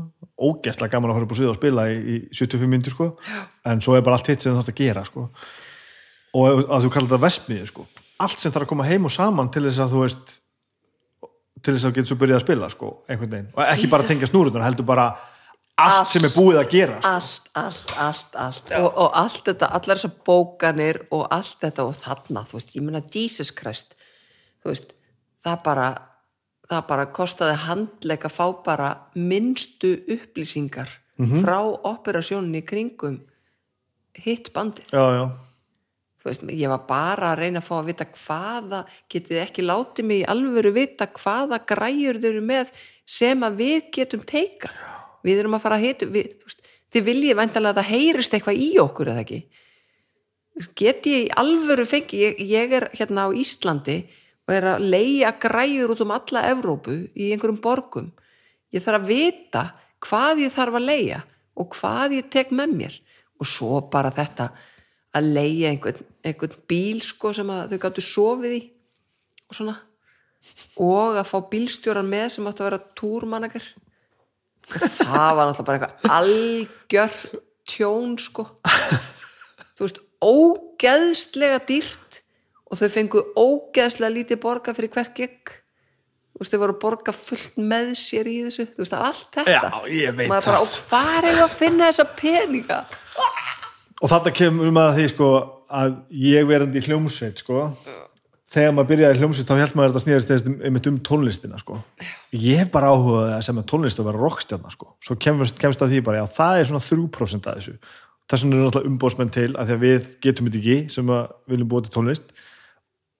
Og svo kemst maður bara að þú veist, þú ert bara fastur í miðun á einhverju og bara allt batteri fyrir að snúast í kringu þig og þú bara svona þetta er ekki tónlist, Já, þetta er eitthvað já. allt annað sko. Og þá, þarna segi ég þess vegna verða umbóð skrifstofur til Já. að því að fyrir einhvern svona einn umbóðsmann sem að fær aldrei eina krónu Nei, mitt, þú veist, já, já, já. Að þá, þú veist þá, þá þarft alveg að taka ákvörðun um það að eyða heilum vinnudegi aftur og aftur í að bóka túra. Já, já ég veit það bara, það. bara þryggjar á tímabil þar sem kemur aldrei króna og þú ert bara að lána hljónstinu peninga. Mhm. Það er þetta bara algjör klipp Þetta er bilað sko og, líka, alveg og það er ekki sem að sjáu alltaf fyrir endan að þetta, þetta skilar svo miklu, nei. Nei, nei, ég meina kannski breykar bandið. Já, já. Þú veist, og það er þetta bara það sem allir vona. Já. Er já, það? já, já, þú veist ef, Þú- þið, ef þið langar að komast á annað stað að þú veist, fjögra, fimm manna bandið eitthvað að þryggja eða whatever mm -hmm. náið að lifa á já, þessu. Já, já, Það þurfi algjörlega. ekki að fara þú veist, á ölsökustofnum milli eða eitthvað, neð skilur þá, þá, þá, þá þarf að breyka. Þú þarf að komast í gegn. Þú þarf að komast á þann stað að þú fáir almennilega borga fyrir festivalin og, Það er þannig, og þetta og Algjörlega. náir að smala á túruna þetta sé ekki 300 manna gig í einhverju kjallara í London. Ó, það er sann svo gaman sko. Það er ógeðslega það Maður verður að skemmtilegt læ- læra að en það er æði, það er alveg sko. ofbóðslega skemmtilegt En auðvitað verður að vera eitthvað áframhald sko. þú sko- verður að finna að sé eitthvað meira og, og, og, og tala um að breyka sko. auðvitað viltu þetta sé auðvitað viltu bara spila stór gig og getur að og fá þess mikið pening og hægt er sko. en það má ekki vera sko allavega í okkar tilfelli er þetta þannig að við erum búin að geta í tíu ár vegna þess að við erum alltaf svo ánægða með það sem við höfum sko. veist, við erum ekki alltaf að býða eftir einhverju sko. Vi, við erum alveg ákveðinni í að stækka þetta sko, og við tökum öllu fagnandi og viljum alltaf meira og allt svoleiðis en við erum ekki sko, hanging on bara þrauka þanga til eitthvað gerist Nei, nei, nei, nei. En sko, þú veist, ef að þú ætlar að lifa á þessu, Mhm. að þá þarftu að þú þarft að fá þannig innkomu að það réttlæti til dæmis þegar þú komið fjölskyldu Já.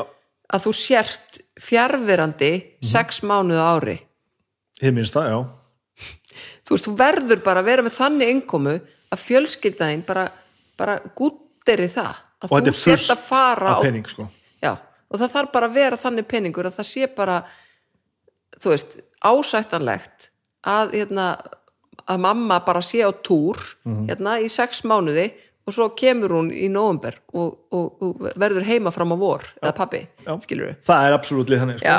og að meira í þessu meiri sér þegar ég var að tala um að ég og þá er ekki hægt að vera með þannig að þú, veist, þú fáur enga innkomu en þú ætlar að vera í burt í sex mánuði og makiðinn þarf bara að láta allt ganga borga af öllu reikningum og sjá um öll börnin og allt þetta. Veist, þannig að það er hægt að með þú ert til í að vera á sófanum já, já.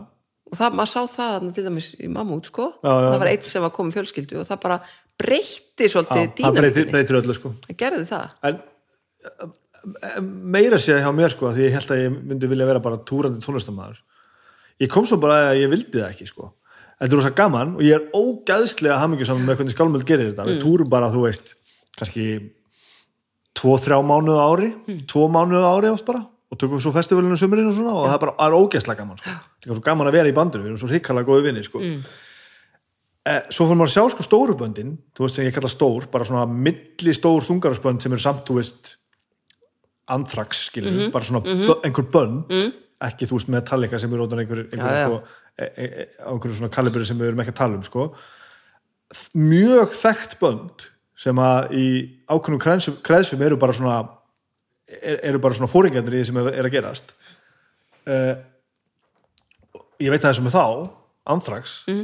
bara, því ég er bara að grípa til þeirra sko þeir hafa það ágætt sko og þeir gista ágætt hótelherbyggjum og þeir, þeir selja fullt af plötum og þeir fá fullt borgað þannig og lifa á þessu að sjálfsögðu en þeir hafa ekki efnum að því að, að vinna ekki þeir verða að fara út ok, þeir verða að fara út að spila sko. þeir get ekki tekið sér við ætlum bara að taka tvö ári pásu mm, er það? Þú hefur ekkert efna því sko. Það er ekki þannig að þessi búið samningur að sjóða því að séu svo mikla rockstundur þetta bara gengur og gengur bara sæmilega vel sko. og þú þarf að vera komin á svo rosalega stað til að geta bara sagt ég bara nenni ekki í bíli sko. nú ætla Já. ég bara að vera heima sko. Og það er bara herðu, herðu ef þú ert að vera heima, Já. þá þarf allt bandið að vera heima og þá ertu búin að setja sko 100 manns á pásu og við höfum ekki efna því þannig að þá fór maður að hugsa bara ok, þetta er ekki alveg svona einfalt. Ég er ekki til í þetta sko. svo náttúrulega bara kom fjölskylda á börn og þá, þess þá heldur bara svona, ok, þetta er frábært. Dagvinnan, vill þú til að ég er í besti vinnu heimi þannig ég get svolítið bara að fara því ég vil. Mm.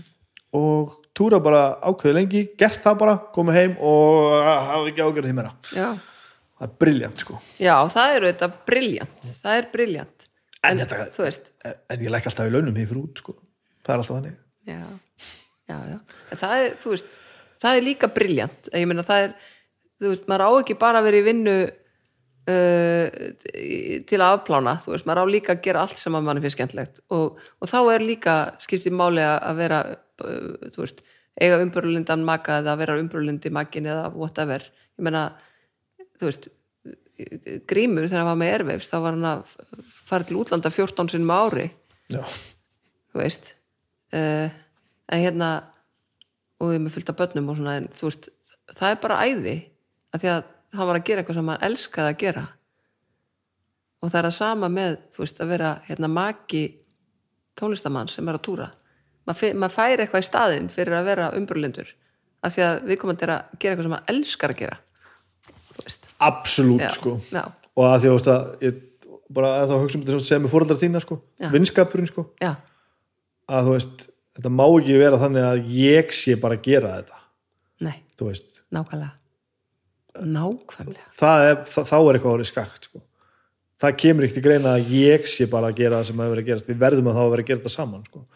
auðvitað er sumt að þessu ekkert sangjant, sérstaklega á pappírunu bara. Að nú er ég farin tvo mánu, þið verið heima en þetta er svo bara ekkert svona sko. Nei, nei, en svo er líka, þú veist, ég meina ég aðhyllist líka það að maður bara, eh, fólk gefi hvort öðru svolítið frelsi, sko. mm -hmm. Og það hefur líka verið, ég meina, sömu finnst rosa skrítið að við skulum stundum, þú veist, fara í frí í sikur lægi eða eitthvað. Bara ha? já, Ég meina, þú veist, að, að fara einhvert út í heim til dæmis bara á tónleika eða eitthvað án þess að við séum bæði. mm Fyrir okkur er það bara fullkomlega eðlilegt.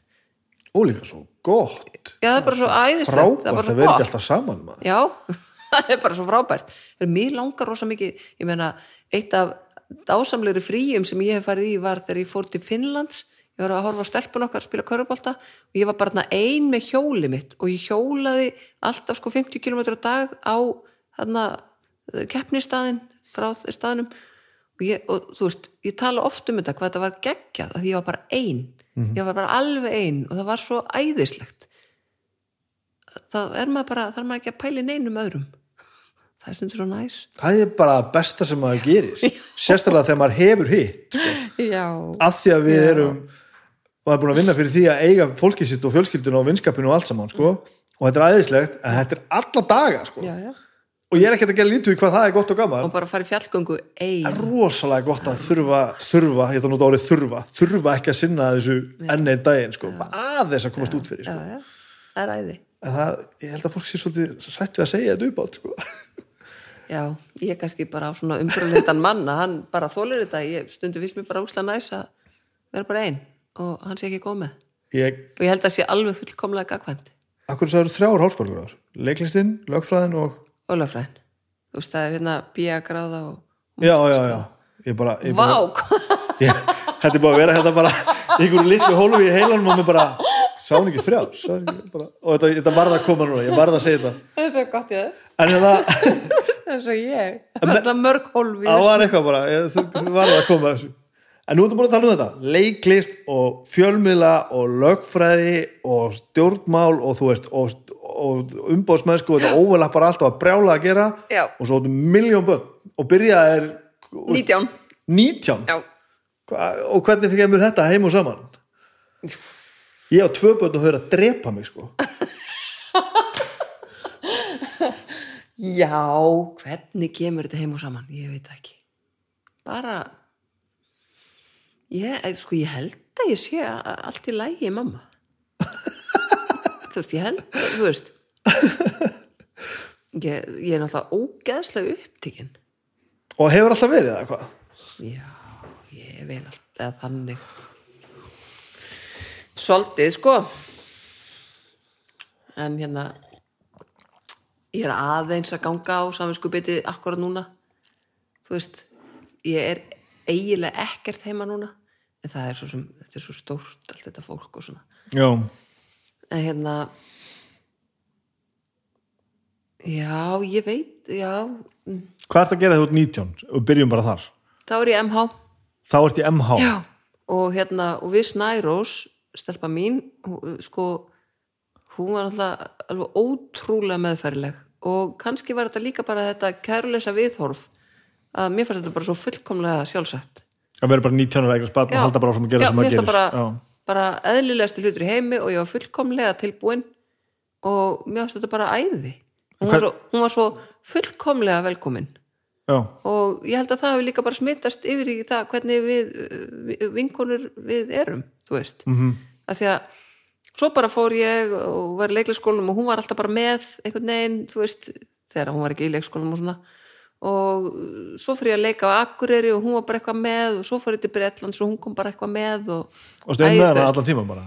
Nei, við, hérna, við, við hættum saman ég og pappina þegar hún er uh, tveggjára og hérna já, og það bara þú veist, ég meina hún á samt áfram bæði mömmu og pappa og, og ömmur og alls konar mm veist, og, og hún er bara frábælega velhefnuð ég held að henni ekkert orðið meinta af þessu, þessu rugli. Nei, nei, og svo hérna en sko svo, svo hérna kynntustu grímur og, og hérna og hann átti einn strák fyrir og sem er sér stjúpsónu minn og svo eignumst við tvö börn saman. Og já, að ég veit ekki við höfum bara veginn gert þetta bara. Eða þú veist. Sko það var rosa gott þarna, ég ákvað að fá eitthvað svona samvinskupið þarna einhver tíman á einhverju tímabúndi e, yfir því hvað ég væri alltaf busy og væri alltaf eitthvað. Og þá kom til mín kona, mamma vinkonu minn er úr lagadeldinni og sagði bara þetta, það skiptir samt svo miklu máli fyrir börnið þín að hafa þessa fyrirmynd að hérna að maður má láta drauma sína rætast þó maður sé orðið foreldri. Ó, hvað er gott. Og ég bara, já og þetta, ég man þetta alltaf. Mm. því langar ekkit að eiga foreldri sem að er einhvern veginn uh, ekkit í vanlíðan eða vansæld en er ekki að láta drauma sína rætast út af þér. Nei, nei. Þetta er ekki gott fyrir neitt sko. Nei, þú færð miklu meira út úr foreldrinu eða makanum ef að, ef að hérna, viðkomandi fær bara aðeins að, að njóta sín. Abso, absolutt sko. Þetta er mikið í sammála sko ég gerði þetta bara áður en ég egnaði spöld ég veit ekki hvort það er góð hugmynd samt sko. Ég held að það sé bara bæði.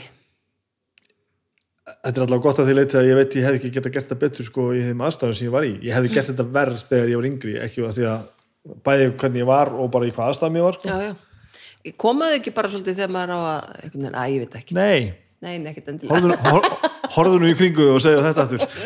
Það, alls ekki nei, alls ekki. Nei. Uh, nei, ég veit ekki, ég bara já. Svo bara, þú veist, er ég bara frekar heppin, ég er bara heppin. Þetta er bara skemmtlegt og gott fólk og hérna, og alls konar. -hmm. og þau eru öll einhvern veginn brjálæðslega sjálfstæð.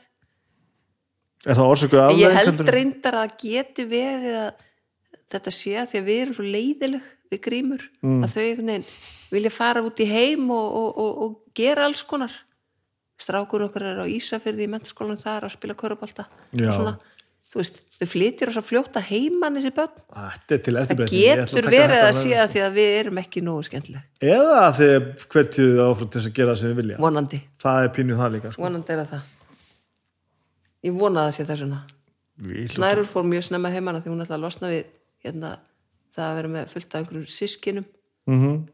á heimilinu þannig að hún fór snemma heiman og, og náði sér í kærasta sem átti lítið börn þannig að það svona Já, aðeins kom svolítið, kom svolítið aftan aðinni sko þegar hún var að losna við sískinin og bara var svo voru stjúpmamma hvort er setna, Við byggum bara á sama steg og gerum nákvæmlega.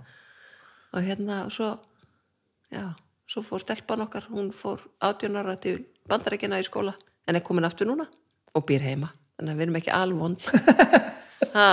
Hvað, þú veist, eh, nú erst þú svona kemur mjög ræðis fyrir sjóninu eftir þetta spjall sem manneska sem að þú veist vinnur svolítið við áhugamálin eða þannig. Mhm. þú veist svo, ég tala um að hreyfa það og svona en áttu ykkur svona að því að ég er að komast að því með mig sko. Ég, ég, og ég, ég spekla mig mjög yfir með þetta að ég einhvern veginn sný alltaf öllu upp í einhvern verkefni sko já, og ég komst að því fyrir stuttu síðan ég átt engin áhugamál að því að áhugamáli mín voru alltaf tengd einhverju vinnu sko. Ég náði alltaf um leið og bara vá, hvað er gaman að spila gítar, þá þurfti ég alltaf að fara að gefa plötu sko, og þá er alltaf komin einhver svona, eitthvað sem fylgir því sko. Og þú veist, með þess að ég get ekki eins og talað við fólk sko, ég þarf að snúa því upp í einhverja vinnu hérna. En, en þetta er svolítið tendensin í mér einhvern veginn bara, já, ég er góður í þessu, mér finnst þetta gaman. Best að fara að hérna, sjá hvort það sé geta gera eitthvað úr þessu, sem er frábært nema að það fyrir að vera skilda á kvöð í öllu sko. Já, og nú er ég að, um að berjast í sjálfum með því að ég er og spila Dungeons and Dragons eins og í viku og, og það, ég veit ekkert skemmtilega. Og ég set fullt af tími í það, það ógeðslega gaman ég fæ ekkert fyrir það og ég er strax farin að pæla í hvernig ég get hvernig þú að gera það er svona bara, ok, þetta er samt svo heilagt að eiga þetta þess að sé neitt undir sko. hvernig, þú veist, áttu áhugamál? Já sko það auðvitað bara kom óvart í raunni ég veist alveg rosalega gaman að horfa á körubólta alveg svona gaman. Alveg sjúklega gaman. Já, og ég, hérna, ég, ég bara það, það kom bara til af því að hérna, að, að börnin mín hafa verið að yfka körbólta fyrst, það- fyrst Snærós en svo líka hérna, Ásta Júlia og Arnaldur eru núna virk og eru bæði að spila með meistarflokki hún í val og hann í vestra. Og ég held að þetta fyrst var þetta bara svona mömmu mömmusport, veist, allar helgar á einhverjum mótum og sofa í einhverjum skólastofum. En núna er ég bara þannig að ég bara sest niður og horfa á ókunnut fullorðið fólk spila körbólta sko. Já, bara þannig. Ég er alveg þannig bara. Já, mér finnst þetta rosalega skemmtilegt. Og, það, og mér finnst þetta sko í rauninni ennþá meira gaman núna eftir ég sest á þing að því að þetta er algjör heilun frá hérna argaþrasun í vinnunni. Mm. að já, fara bara þarna og ég bara, þú veist vinn yðurlega á þessum leikjum þú veist, bara sem sjálfbóðaliði í alls konar og svona í val. Og mér finnst þetta bara æði. En svo er ég auðvitað alltaf bara leikhús og músík. Já, það er, það er hérna eru áhuga, eða þú veist, ef maður kallar það áhuga mál, ég veit það ekki, er þetta ekki bara lífstíl eða eitthvað? Ekki. en er það ekki oft bara svolítið tengt sko? Jú, jú, kannski. Þú veist, mér finnst þetta hérna já, ég, þetta er eitthvað sem ég nýt. Og ferði í leikhús? já, já, er semst þú ég fer miklu minna í bíó. Ég fór einu svona rosa mikið í bíó. Ég fer eiginlega bara mjög sjaldan í bíó núna. Ég fer í leikhús og hlusta þetta mjög mikið á tónlist og á tónleika og svona og hlakka til þegar það fer, fer aftur af stað sko. -hmm. og ég, verðum að gera það bara núna. Nei, þú veist, ég menna í alvöru. Þetta er ekki hægt, ég verð að komast á tónleika. Við verðum að komast á tónleika. Við verðum samt að passa okkur að- vera frísk. Já, við verðum að gera það líka. Þetta er er pínu trikki sko. Já, já, algjörlega. Þannig að hérna, þetta er svona það en svo finnst mér bara, já, úti vera Já. það er bara hérna, það, en það er líka bara gott fyrir hausinn og, og hérna og helsuna að fara út, súrefni. Já skiptum umhverju maður. Já, það er, ég er bara, ég er Já. að finna það alltaf betur og betur, bara hvað maður verður þreyttur á því að vera alltaf vera alltaf á sama stað. Já, já, já. þetta þegar mamma maður sagði bara dríðu það eins út og restuðu við, sko, maður er svona, ó, eitthvað þú veist, sem náttúrulega virkaði en Að það, eða, það virkar það virkar. bara maður fattaði ekki alveg akkur það var, sko. Eða gert grína mér heima af börnunum mínum að því ég segi alltaf þegar það er eitthvað þá segi ég alltaf sko fáðu vatn. Mm bara alveg sama hvað það er, hvort það er hjartveiki eða, eða hvað sko, það er bara já, fáðu þið vatn. Það er svona brandari. En ég nota sjálf sko súrefnið. Mhm. og, og oft frist ég heimilisfólkið að ég vil bara opna út bara fá inn hérna. Já, bara, Bara heima og staðar bara. Bara súrefni. Þetta er ekki ánað hérna, það er allt lokað til þess að halda Jú, ég er hávaðanum úti rosalega ánægt, ég laka til að fara út í Já, súrefni bara loka göttu hávaðanum sem ekki úti og þetta er Já, já, já. Stundum verður hérna brennandi allir, allir svona löðu svettir inn í vitturum það já, það fylgir kvilli Já. eða kostur. Stundum bara pínu gaman. Já það var svolítið svita, Já, það verður er svolítið gott sko. verður eitthvað svona transstemning hérna stundum. Yes, já, þannig að þetta eru svona ætli þetta sé ekki svona áhugamálin mín held það. Mm. En ég, þú veist, ég spila ekkit golf eða eitthvað svoleiðis. Nei, þú ekki með eitthvað svona Nei, ég prófaði golf í fyrsta skipti í sumar. Eitt skipti, mér varst það alveg áhugavert hvað mér varst það skemmtilegt. Hefur, hefur, hefur aldrei slegið Nei, bara mínigolf Já, Já, þarna, það var þarna svona eitthvað svona hús þarna við Hallgrímskirkju því ég var lítil svona mínigolf hús, eitthvað svona kofi. Já, það sem að núna er hótel Leifur Eiríksson eða þar við hliðina ótrúlega spennandi. Ég fór mjög mikið þangað þegar ég var lítil. Mm Ég ætla að taka gólfið sem bara þegar ég er fullorinn Já, það er svolítið þannig, ég er nefnilega með fordóma fyrir því, sko, því mér finnst fólk sem spila í svo asnalegum fötum. Já, þetta er rosa, þetta er kultur sem er erfitt að standa fyrir utan sko. Já, en svo fannst mér þetta skemmtilegt. Mér skilst það að setja að fara þarna út á gróttu að, að eitthvað svona æfa sig. Ég held að ég gæti alveg. Að Þetta er geðveikt sko. Ég labba bara inn í kring og, og horfi á fólki spila golf Já. og, og þykist vera eitthvað betri heldur en þau Já, er, er það dást að þeim svolítið? Já, ég er alltaf meira og meira sko. Já, En ég var alveg, þú veist, ég var alveg slegið golfkúlun og oft til þess að vita hvað þetta er gaman sko. En ég, þú veist, ég hitt, hitti kúluna ekkert alveg alltaf sko. Nei, ég, er, ég, er alveg, ég er alveg þar sko. mér fannst það alveg kunst og mér fannst það bara mjög skemmtilegt sko. Já, ég fann metnaðin bara, hann gaus upp að ná að hitta kúluna strax Þetta er svo gaman. Já, það var skemmt Já, við, ég, ég er alltaf að finna ég sagði alltaf, ég ætla að gera þetta svona sjötugt sko. Ég er alltaf að færa þetta nær mér sko. ég, ég, meni, ég var ekki nálægt í bara í vor sko. Þannig að þú veist, við erum ekkert einstök. Við erum eiginlega öll eins. Já. daginn sem ég var 48 ára þá langaði mig allt í alveg rosalega mikið að eignast sumarbústað. Já, já. Þetta er, þetta, þetta Nei, þú veist, við þetta, erum bara þarna þetta er bara eitthvað svona klukka Já, svo allt í einu bara langar mann bara svolítið að prófa að spila golf að ég meina, hvað er glerið þetta? En maður verður samt, maður verður innmitt að að upphefja þetta sko. Maður verður að að að að, að að upphefja og, og gleðjast yfir því þegar maður færi eitthvað svona í hausinn sko. í stað fyrir að velta bara, ég er ekki þessi típa ég Já. ætla ekki að hugsa um þetta hér Ég er algjörlega sammálaðir ég er alveg innilega sammála og þetta er bara ma, ma, það er svo að, gott að mann þetta er nefnilega svo fokking gott að maður sko. ég var að tala um þetta við, við andra frey hérna í daginn sko. hann, hann með tók sumafríið í, í húsbíl og ég bara, þetta er versta sem ég veit fyrir fokking húsbílur og hjólísi og þetta djöfisist drast sko. Og hann er mynd sagði mér sko, "Be- blessaði, veistu, býti bara í örfá ár sko, þú verður komin á þetta alveg óþróndi keirandi á 70 einhvers staðar. Við fengum svona gott á okkur moment þegar við vorum eins og skiplega sumafrí þá vorum við búin að vera á okkur hérna, fótboltamótum sko í grenjandi rigningu of oft það sumarið. Og settust niður við grímur og vorum bara, ok, nú verðum við bara stingaf bara með, með börnin og bara fara í sóluna og við byrjum að skipa eitthvað brjálaðslega svona eitthvað exotíst eitthvað, svo fyrir við þessa borg og svo fljúum við þarna eitthvað svona. Sátum heilan vinnudag og þá hérna enduðum við á því að kaupa ferð með heimsferjum til bótrúm í Tyrklandi all inclusive á einhverju hóteli. Já, vá hvað það var næs frí.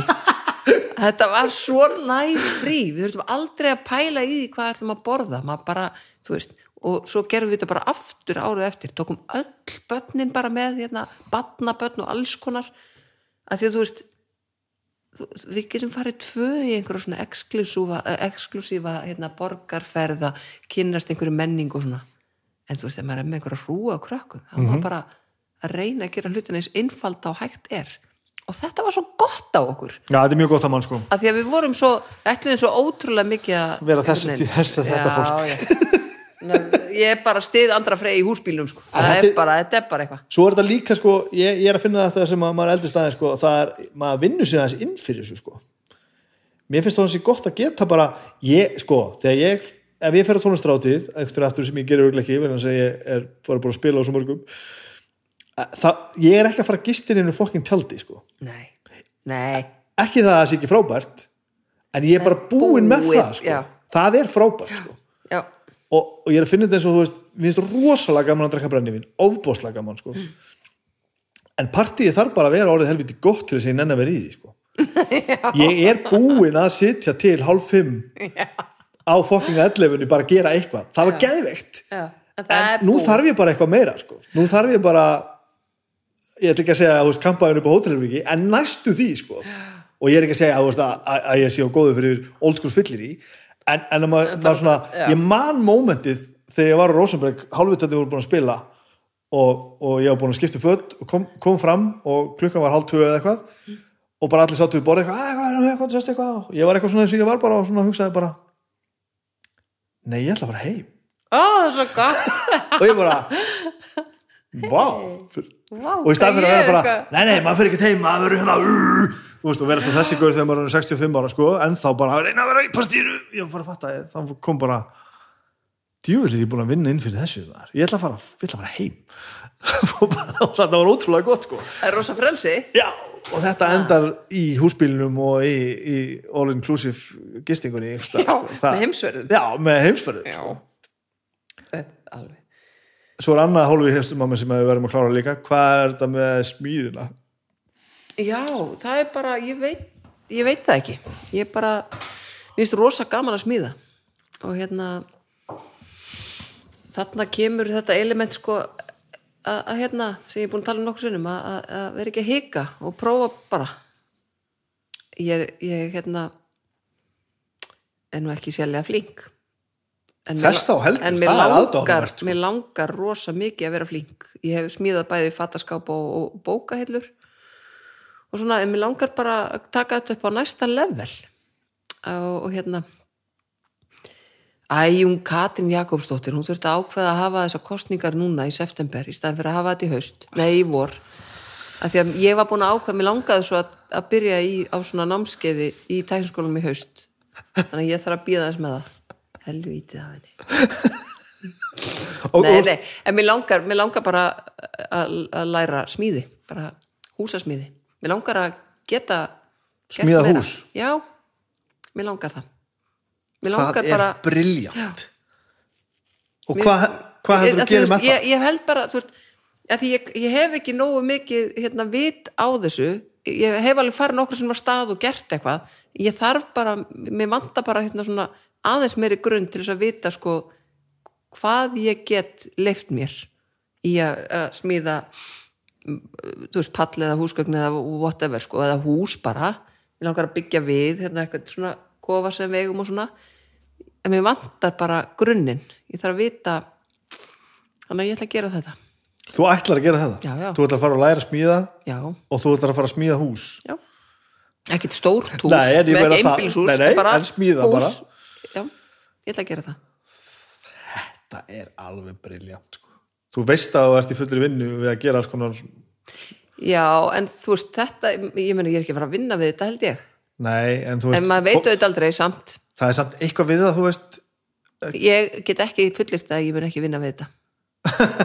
Eftir allt sem að á undan er gengið en, það er eitt við en mér samt langar þetta að bara, þetta er bara svo skemmtilegt. Það er svo gaman að sjá eitthvað verða til. Þú veist, það er svo gaman í höndunum og ég kann ekki að baka. Þú veist, ég er ekki góð í að baka, ég bý til æðisla mat. Ég kann ekki að prjóna ég, ég er ekki góð í því. En þetta, ég er með mjög fallega bókahillur heima hjá mér sem ég smíðaði á heilum vegg og það eru bara það eru bara fallegar. Og mér langar að kunna meira. Og, það er mjög einfalt að smíða bókahillur.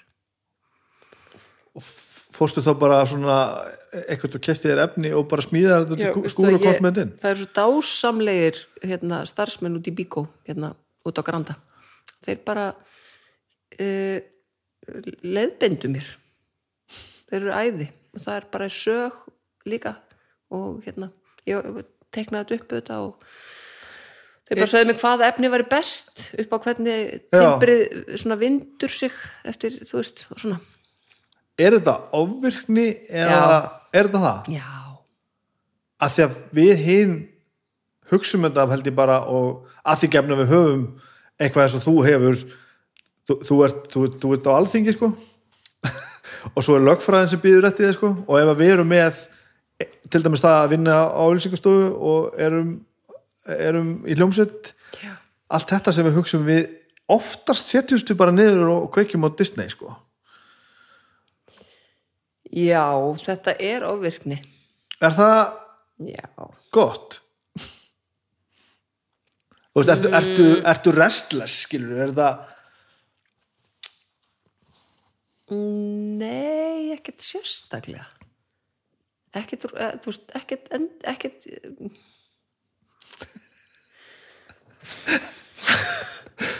ég get alveg veist, ég get alveg slakað á. Já, getur það? já, já, Ok, ok. Ég, ég, veist, ég fór í rosa gott sumafrí og slakað á ég er ekki þannig að ég þurfi alltaf að vera að gera eitthvað. Nei, það er eiginlega ekki þannig. En ég mér finnst rosa gaman að gera eitthvað. Já, en ég, þú veist, þetta er ekki þannig að ég verði svona yrðalus nú er að líða hérna heill dagur án þess að við séum búin að gera eitthvað kæra fjölskylda, við verðum að eitthvað. Ég er ekki þar, ok. Þú veist en þetta er bara, en þetta er auðvitað ofvirkni, það var bara ekki búið að finna þetta allt upp þegar ég var að klifra á húsbyggingum í, í Vesturbæ miðbæ. Ég var lítil stúlka. Va Varstu brálaði ykkur að? já, ég var já Og hvernig það að, að, að ég var bara heppin, ég var freka glöð sko. Já, það er bara ekki freka glöð, ég er bara, freka, ég er bara mjög glöð. En mjög kraftmikil. Og, og, og, þú talaði um djam, djam og óþ, óþægð og Já. brjálæðingur og eitthvað svona? Já, og, ég var ekki, ekki prúða þögla batnið, nei og hvernig þú veist kemur það óvart? Nei, Nei. ég trúi þessu alveg sko. En svo varstu, þú veist, eignastu batt hefur 19, Já. hvernig svona þú veist hvað, hvað þá var, ég, þá var ég bara búin að djamma sko. Já, þetta er bara þangað já, já ég, hérna, ég fór á síðustu svona útiháttu Vestlumræðhelgi því ég var hérna sumarið eftir níundabekk þá fannst okkur við eiginlega bara að vera vaksnar upp úr þessu stelpunar Djúvill vorum við að gera þetta snemma maður. Ég var aðeins í íþróttum sko, en ég byrjaði sent sko, á, á þessu þarna var bara þarna var ég bara úr 16 maður bara, æ, come on, þetta er bara búið sko. Þetta er náttúrulega eina leið, senda börni bara, bara 12 ára og, og, og út í á tíð svo þessi búin að þessu eru 16 ára. Já, þetta, já, ég er ekki viss um að ég sé saman mála því í dag. Ekki heldur, alls en ekki. við vorum, þú veist, það fór bara rúta frá á, í Þjórsöndar Svona var þetta, maður, almennilegt. Og við vorum 14 þú veist og svo fórum við vinkonunnar, við ætlum að fara á Interrail þegar við vorum 16 þar kom allt í henni, nei þið getið ekki gert það. Og við bara, ha? af hverju ekki? Og því að og þá var hérna, þá var hérna frænka vinkonum minna að vinna á samverju fyrir landsín og við fórum í staðin í þrjár vikur til Benidorm, tvær. Vá, 16, Vá. já mjög mjög mikið vá. Þá var maður bara búin að vera að vinna og vinna og vinna og vinna, vinna með skólanu sko. Nýjöndu bekk, sem núna er tíundu bekkur. Bara sapna og sapna og sapna því að við ætlum að fara interil heldum við fram. Þannig að hérna, það var mjög aðdeglisverð ferð.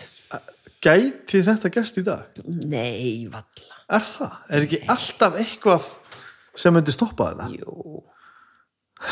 Þetta er bara, þú veist, ég tala alveg eins og ég sé amma mín, sko, ég er alveg fætt samt, þú veist, það er á samt, setni hluta síðustu aldar, sko. En þetta, ég, nei, ég sé það ekki. Ég er náttúrulega, þú veist, fættu 78 sko. Ég fætt 72, og það var reykt inn í félagsmyndstöðun þegar ég var í grunnskóla sko. Já, já, já. Þú veist, við erum þar, Já, já. þannig að þetta er ekkert langt síðan sko. Já, árið sem ég kom í MH þá uh, hafði verið bannað að reykja á göngunum inn í skólanum inn í skólanum, inn í MH og það voru margir rosa, það var Já, þetta er bara bara átta já, mannréttindabrót, Já. algjört sko já. Pælt í þetta því, er svo stutt síðan sko. Það er svo ógeðslega þetta er stutt síðan. Já. það er rosa stutt síðan og svo og breyt þú veist, ég ólst upp við að, þú veist, pappa og mamma voru með öskubakka á náttborðinu sínu Já. Nei, meina, hvað viðbjöður er það?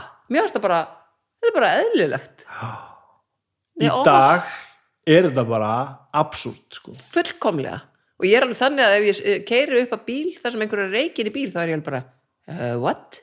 Já, það er líka bara stór undarlegt Ertu að reykja inn í bílnuðinu? Manstu hvað það var gott Manstu hvað það var geðveikt að reikin í bílinu sínu Það var geðveikt, reyktur kannski aldrei Jú, ég, að ég er eh, bara hætti fyrir alveg ógeðslega löngu síðan ég reykti, þetta var, ég meni ég kláraði bara allt svolítið snemma Já, sko. bara þannig. ég djammaði bara mest þarna sumar eftir tíundabekk og svo eitt ári leikarskóla ég djammaði alveg rosalega uh, ég hætti að reykja 24 æ, þú þetta er alveg svona Ó, Ég man bara að þetta var síðasta úti átið þegar ég var 16 Þetta er- er- er gott plan sko.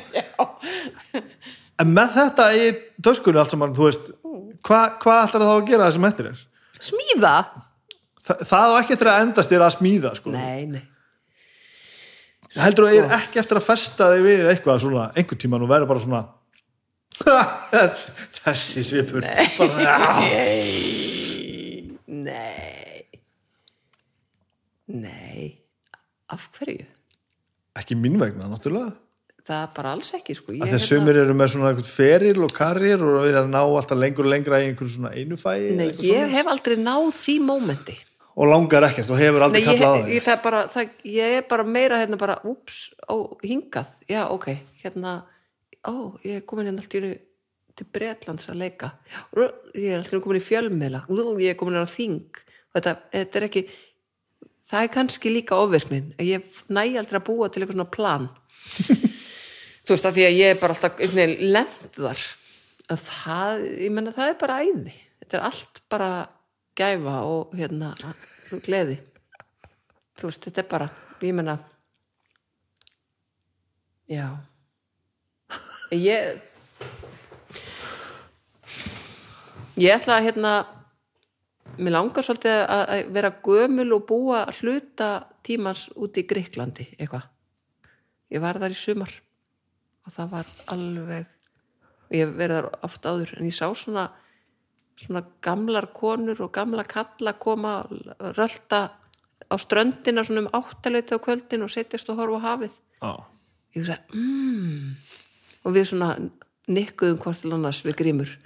Vissum þarna. Já. já. Ég til ég að vera þarna einhvern tímann. Bara fallegt. Mjög gott. En það er rosalega langt þangað til. Já, ef ég geri jafn mikið á næstu 20 árum og ég hef gert á, á síðustu 20 þá bara, Jesus, ég á örglega eftir að fara til tungsin sko. Þú þarft að skrifa marga bækur og heldur áfram sko. Já, já, eða bara já, já, já. Við skulum hefða hleypa súrumnin já, og hérna ég held að þetta sé orðið mjög gott. Þetta var reikalega skemmtilegt að koma hér mjög, mjög gaman. Takk fyrir að tala um mig. Takk.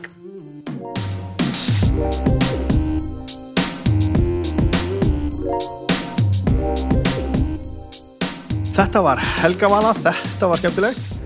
Uh, Ég ætla ekki að hafa þetta lengra Ég held bara frá að stara henni í opið á bilari uppbútavél sem að einhver ætlar að koma og redda fyrir mig. En annars ætla ég bara að drulla með hans í vinnuna. Ég er best að fara hans í vinnuna, græja hans þar. Það er gott og gaman. Um, Ég ætla bara að minna ykkur á alla þættina sem að hljókirkjan hefur búið að bjóða. Dómstafur er komin eh, á fullskriði eftir frí. Eh, draugarnir Flósi og Baldur eru hafa aldrei verið sterkari heldur en akkur núna. Eh, og svo er náttúrulega listamenn byrjaðar aftur, ég veit ekkert hvað listi er næst en farið og tjekkja á beðlætinu, það var mjög fyndið. Uh, og svo er alltaf besta platan sem heldur áfram án mín, fjóriði þátturinn án mín er núna á morgun, föstudag og það er besta platan með Bam Bam Bam Kraftwerk besta platan með Kraftwerk annars bara munið að skella ykkur í, í kvennarhlaupið á lögadaginn í bóði sjóvá og farið svo heim og horfið á lænýtt Apple TV sem er reddið ykkur í gegnum Simil Pay appið sjóvá og Simil Pay takk fyrir að vera með mér, ég ætla að stakka út og fara í vinnuna. Við heyrums næst, bye